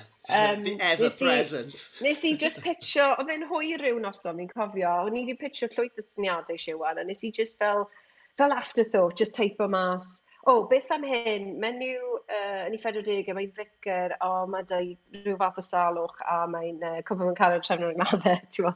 A wedyn, oedd hi fel, oce, okay, wel, gwybod bach mwy am hwnna. A wedyn, oedd y bach mwy yn driniaeth ac ath y driniaeth mewn i ysbryd a wedyn ath yr hwnna'n script commission a wedyn gofyn nhw i weld ail benod ac yn tiwod. A wedyn cynt i droi, maen nhw wedi dechrau ffilmo fe, ti'n wedi gorffen sgwennu fe'n iawn, ti'n bod. So, bedyd tan oedd y gyfres gyntaf na, o pa, o'n i'n stressed. Ti, oh, Fi'n cofio yeah. bumper mewn i ti yn sioe Candy Lion. Fi'n oh, meddwl, yeah. yng Nghaerdydd, yeah. sioe Griffiths. Um, a ie, yeah, o ti'n gweithio fi am y profiad o just yr, ti'n y cymaint o fath o script edit so ti'n gorfod wneud a just... Oh my gosh, ie. Yeah, fi'n fi cofio'r nadolig. Ie, yeah, yeah. fi'n cofio'r nadolig yna, achos dyna'r nado, unig nadolig um, i fi wedi sgwennu ar arddi nadolig. Ie, yeah, fi'n cofio achos... ti'n gweithio fi yna. Oedd rhaid wneud e. Yeah. Ond dath ei ben, ti'n bod, dath yr edodd e'n dair cyfres, a erbyn cyfres tri, o'n i'n rili really gobeith yn ei wneud. A, um... Ac o ti rili really di gallu gadael fynd ychydig bach, um, o ti, um, o, o wylio'r gyfres, oedd e'n teimlo fel, ti'n bod, wrth gwrs, achos o bod ti'n sgriptio'r newydd, yn datblygu stori o'r newydd, yn y cyntaf oedd e'n teimlo fel bod ti'n eitha restrained.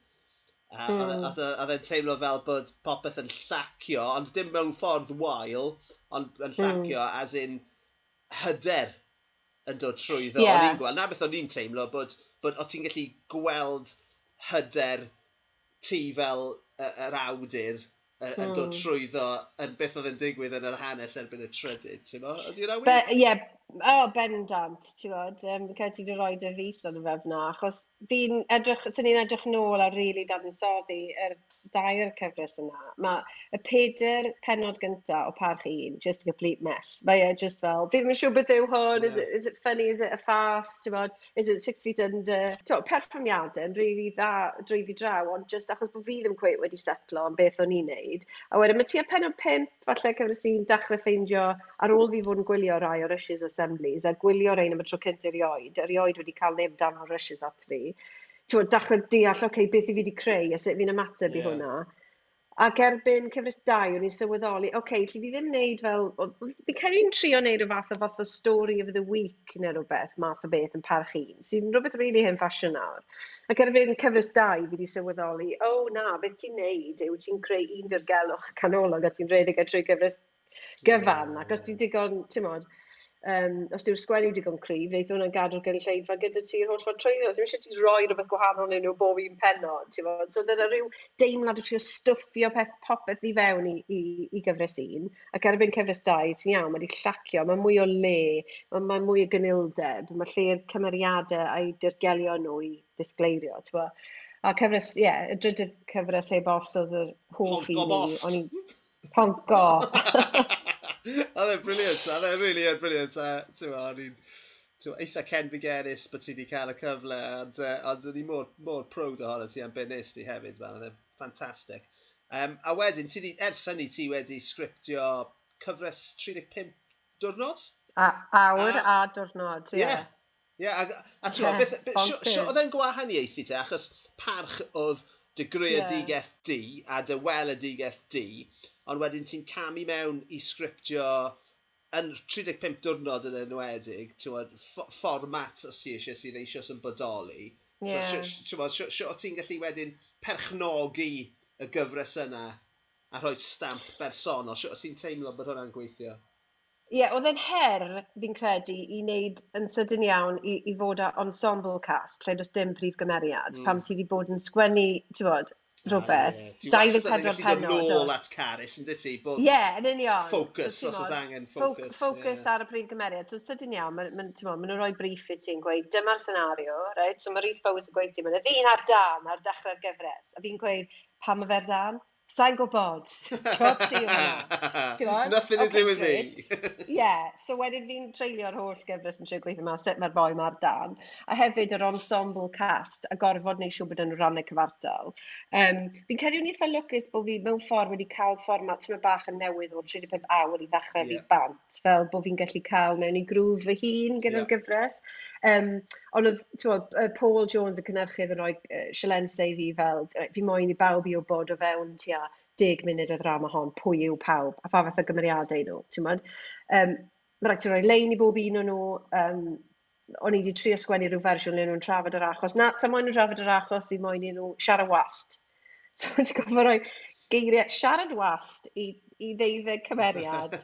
Mewn deg munud, mae rai bod nhw wedi setlo fel cymeriadau. So, o, bo, fel, fel fath o her sgwennu, oedd yn gret, ti'n bod, a, a, yn y pen draw, fi cael ei 35 awr yn un o'r pethau mwy o bonkers fi eriod wedi sgwennu. Mae hwnna'n gweud rhywbeth. Ti'n bod, athon ni lefydd, achos yr intensity o'r peth, ti'n bod, nhw gyd mewn fath o Shining-esque hotel a erbyn diwedd mae ti'n bod pobl yn tywod, pawb yn cysgu dy pawb, yn ein bygwth, tywod, cysgu dy pawb. Mae oedd e just a cwmpa mas a rhywun on the run a tywod, os na dan, pwy un, pa un ohonyn nhw sy'n mynd i fod ar dan, ti'n trio cael pawb mewn bathrobes, fel bod ti'n dal pawb. Ti'n oedd hollol fel um, fath o, ie. Yeah. O ti'n teimlo, yeah. teimlo fel bod cael rheolau, cyfyngiadau, oedd hi'n haws ysgrifennu o fewn y cyfyngiadau neu oedd e'n haws ysgrifennu rhywbeth fel parch lle o ti, o ti just gyda canfas wag? Fi cem nhw gyd, mae pob prosiect ledu'n anodd, fi credu, achos mae disgwyliadau gwahanol dy bob un. Oedd 35 awr yn sialens eitha bod, mawr, fi'n credu yeah. i fi, ond fi'n on, fi fath o fel oedd y droi mas, a fi'n credu unwaith o'n i ddechrau cael gafel ar y confensiynau yma, Um, beth o'n i'n mynd i weid oedd bod James Thomas wedi disgrifio fe fel Agatha Christie on acid. A fi'n credu, unwaith o'n i wedi dechrau sylweddoli, o, oh, mae dan i rhywbeth eitha gwahanol fan hyn, ti'n bod? Unwaith gweud bod ni lan i, i, i penod 3 neu 4, o'n i'n gwybod yn union beth oedd pob un ohonyn nhw, y math o beth oedd pob un ohonyn nhw'n mynd i weid yn bob un senario a'r peth anodd rili really, oedd cael gafel arnyn nhw yn y penodau cynta yna.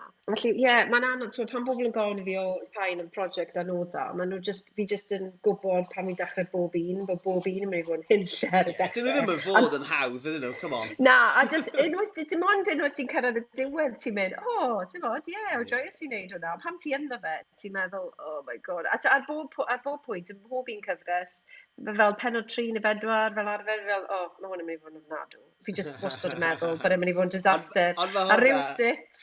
Mae hwnna'n gyffredin ymysg un, well, pob person creadigol ar y blaned, reis. Ydy, fi'n credu. Yr, er, eiliad ych chi'n dechrau meddwl bod chi'n neud gwaith da yw'r yw union eiliad ych chi'n dechrau neud gwaith shit. Ie exactly. Ie. bod, um, oedd Carys 'di gweud 'na wrtho fi pan o'n i'n streso dros sgript parch oedd hi fel d- dim ond dim ond yr awduron da sy'n really becso beth yeah. i hwn flir. so so, so t'mod achos o'n i'n nab- fi'n nabod Carys yn da, so o'n i yn dueddol o ffonio hi a a a gweud actually newid y lein 'na neu neu newn ni ti'n bod, wyt ti'n meddwl bydd yr olygfa 'ma'n gweithio.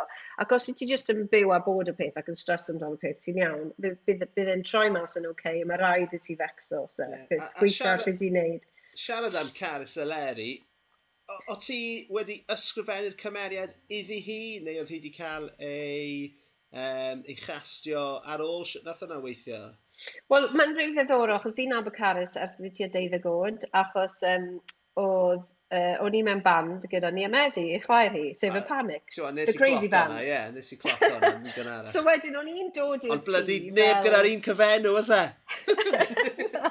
so wedyn o'n i'n dod i'r tŷ yn 16-17 oed, pam nes i ddarganfod y pobl cool i gyd, sef kids maes yr yrfa. So o'n i'n meddwl am Caris fel i fath o chwaer bach, ti'n bod, a oedd hi'n, ti'n bod, di a deuddeg oed pan nes i gwrdd y gynta. Wedyn, pam wnaethon nhw ddechrau sôn am rhywun yn myfanwy, a wnaethon nhw sôn Caris. Nes i wedi, mae Caris lot rhy ifanc. Sa'n gael gallu wario, ti'n bod, rhywun yn ei 40, ond Caris yn gallu cario fe'n wych a welys i'r clyweliadau, mynd, ie, yeah, Caris yw'r person, ti'n bod? Ond o'n i ddim yn gwybod pwy o'n nhw'n castio tan... O'n i'n eitha hwy so, yn lan. So, nes ti ddim ysgrifennu'r cymeriad iddi hi o gwbl? De, na, dim, on, ond mae fe fel bod fi wedi, yn dywe. Yn dywe, na pam o'n i, na pam o'n i gofyn, e, ddim achos... Ie, yeah, na, dim... Ymgnawn doli'r dim, na, dim nepotistiaeth fan hyn, o'n i'n gadael i nhw wneud y castio. Ar y stan bod y blant yn digon hyn. oh, God. A, a fyswn ni'n hoffi, Cloi, uh, trwy siarad am dy brosiect diweddara, fi'n credu bod dy gyfres dyledu newydd di uh, yn in production right now, yw?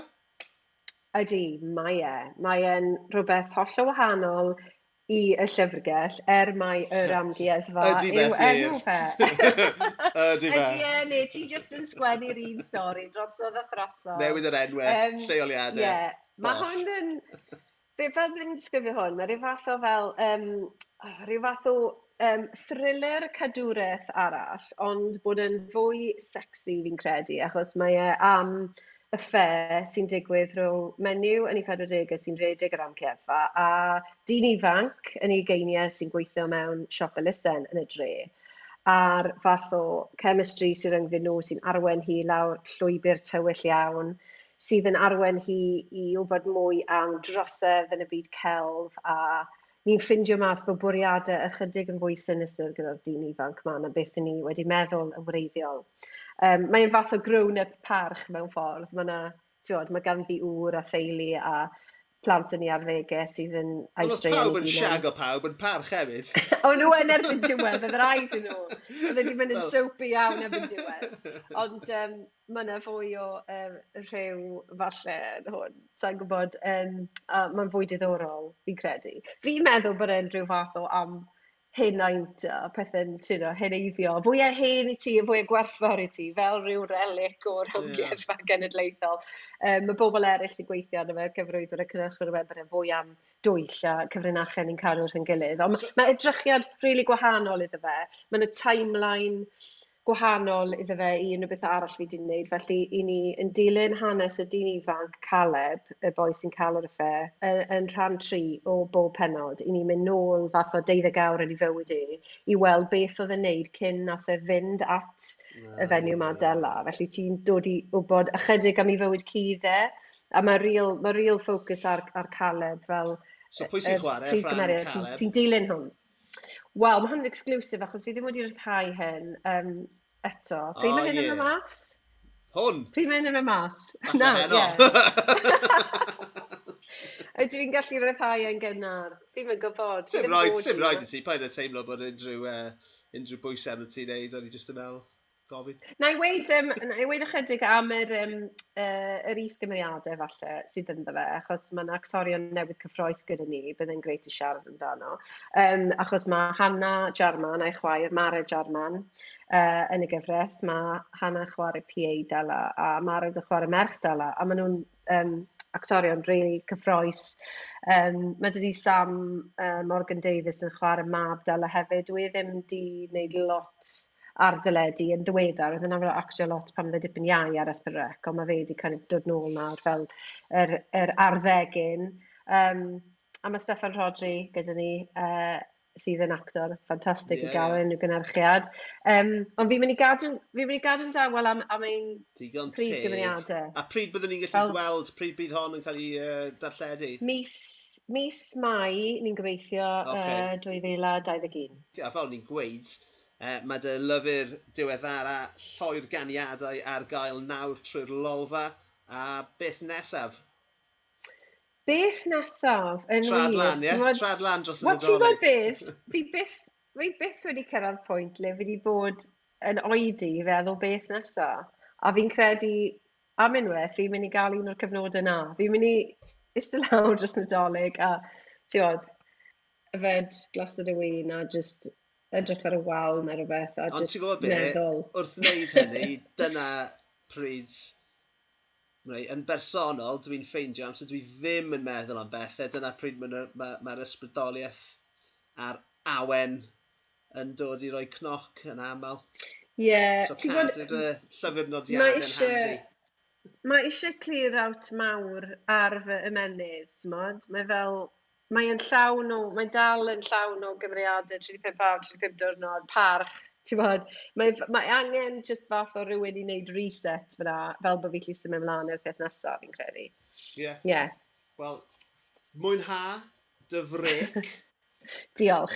a diolch yn fawr iawn i ti am dreulio orig fach gyda fi heddiw. Pob lwc gyda popeth ti'n neud, ti'n wych, paid stopio. Diolch yn fawr sy'n llwyd. Mae'n bod yn gret cael chat o ti.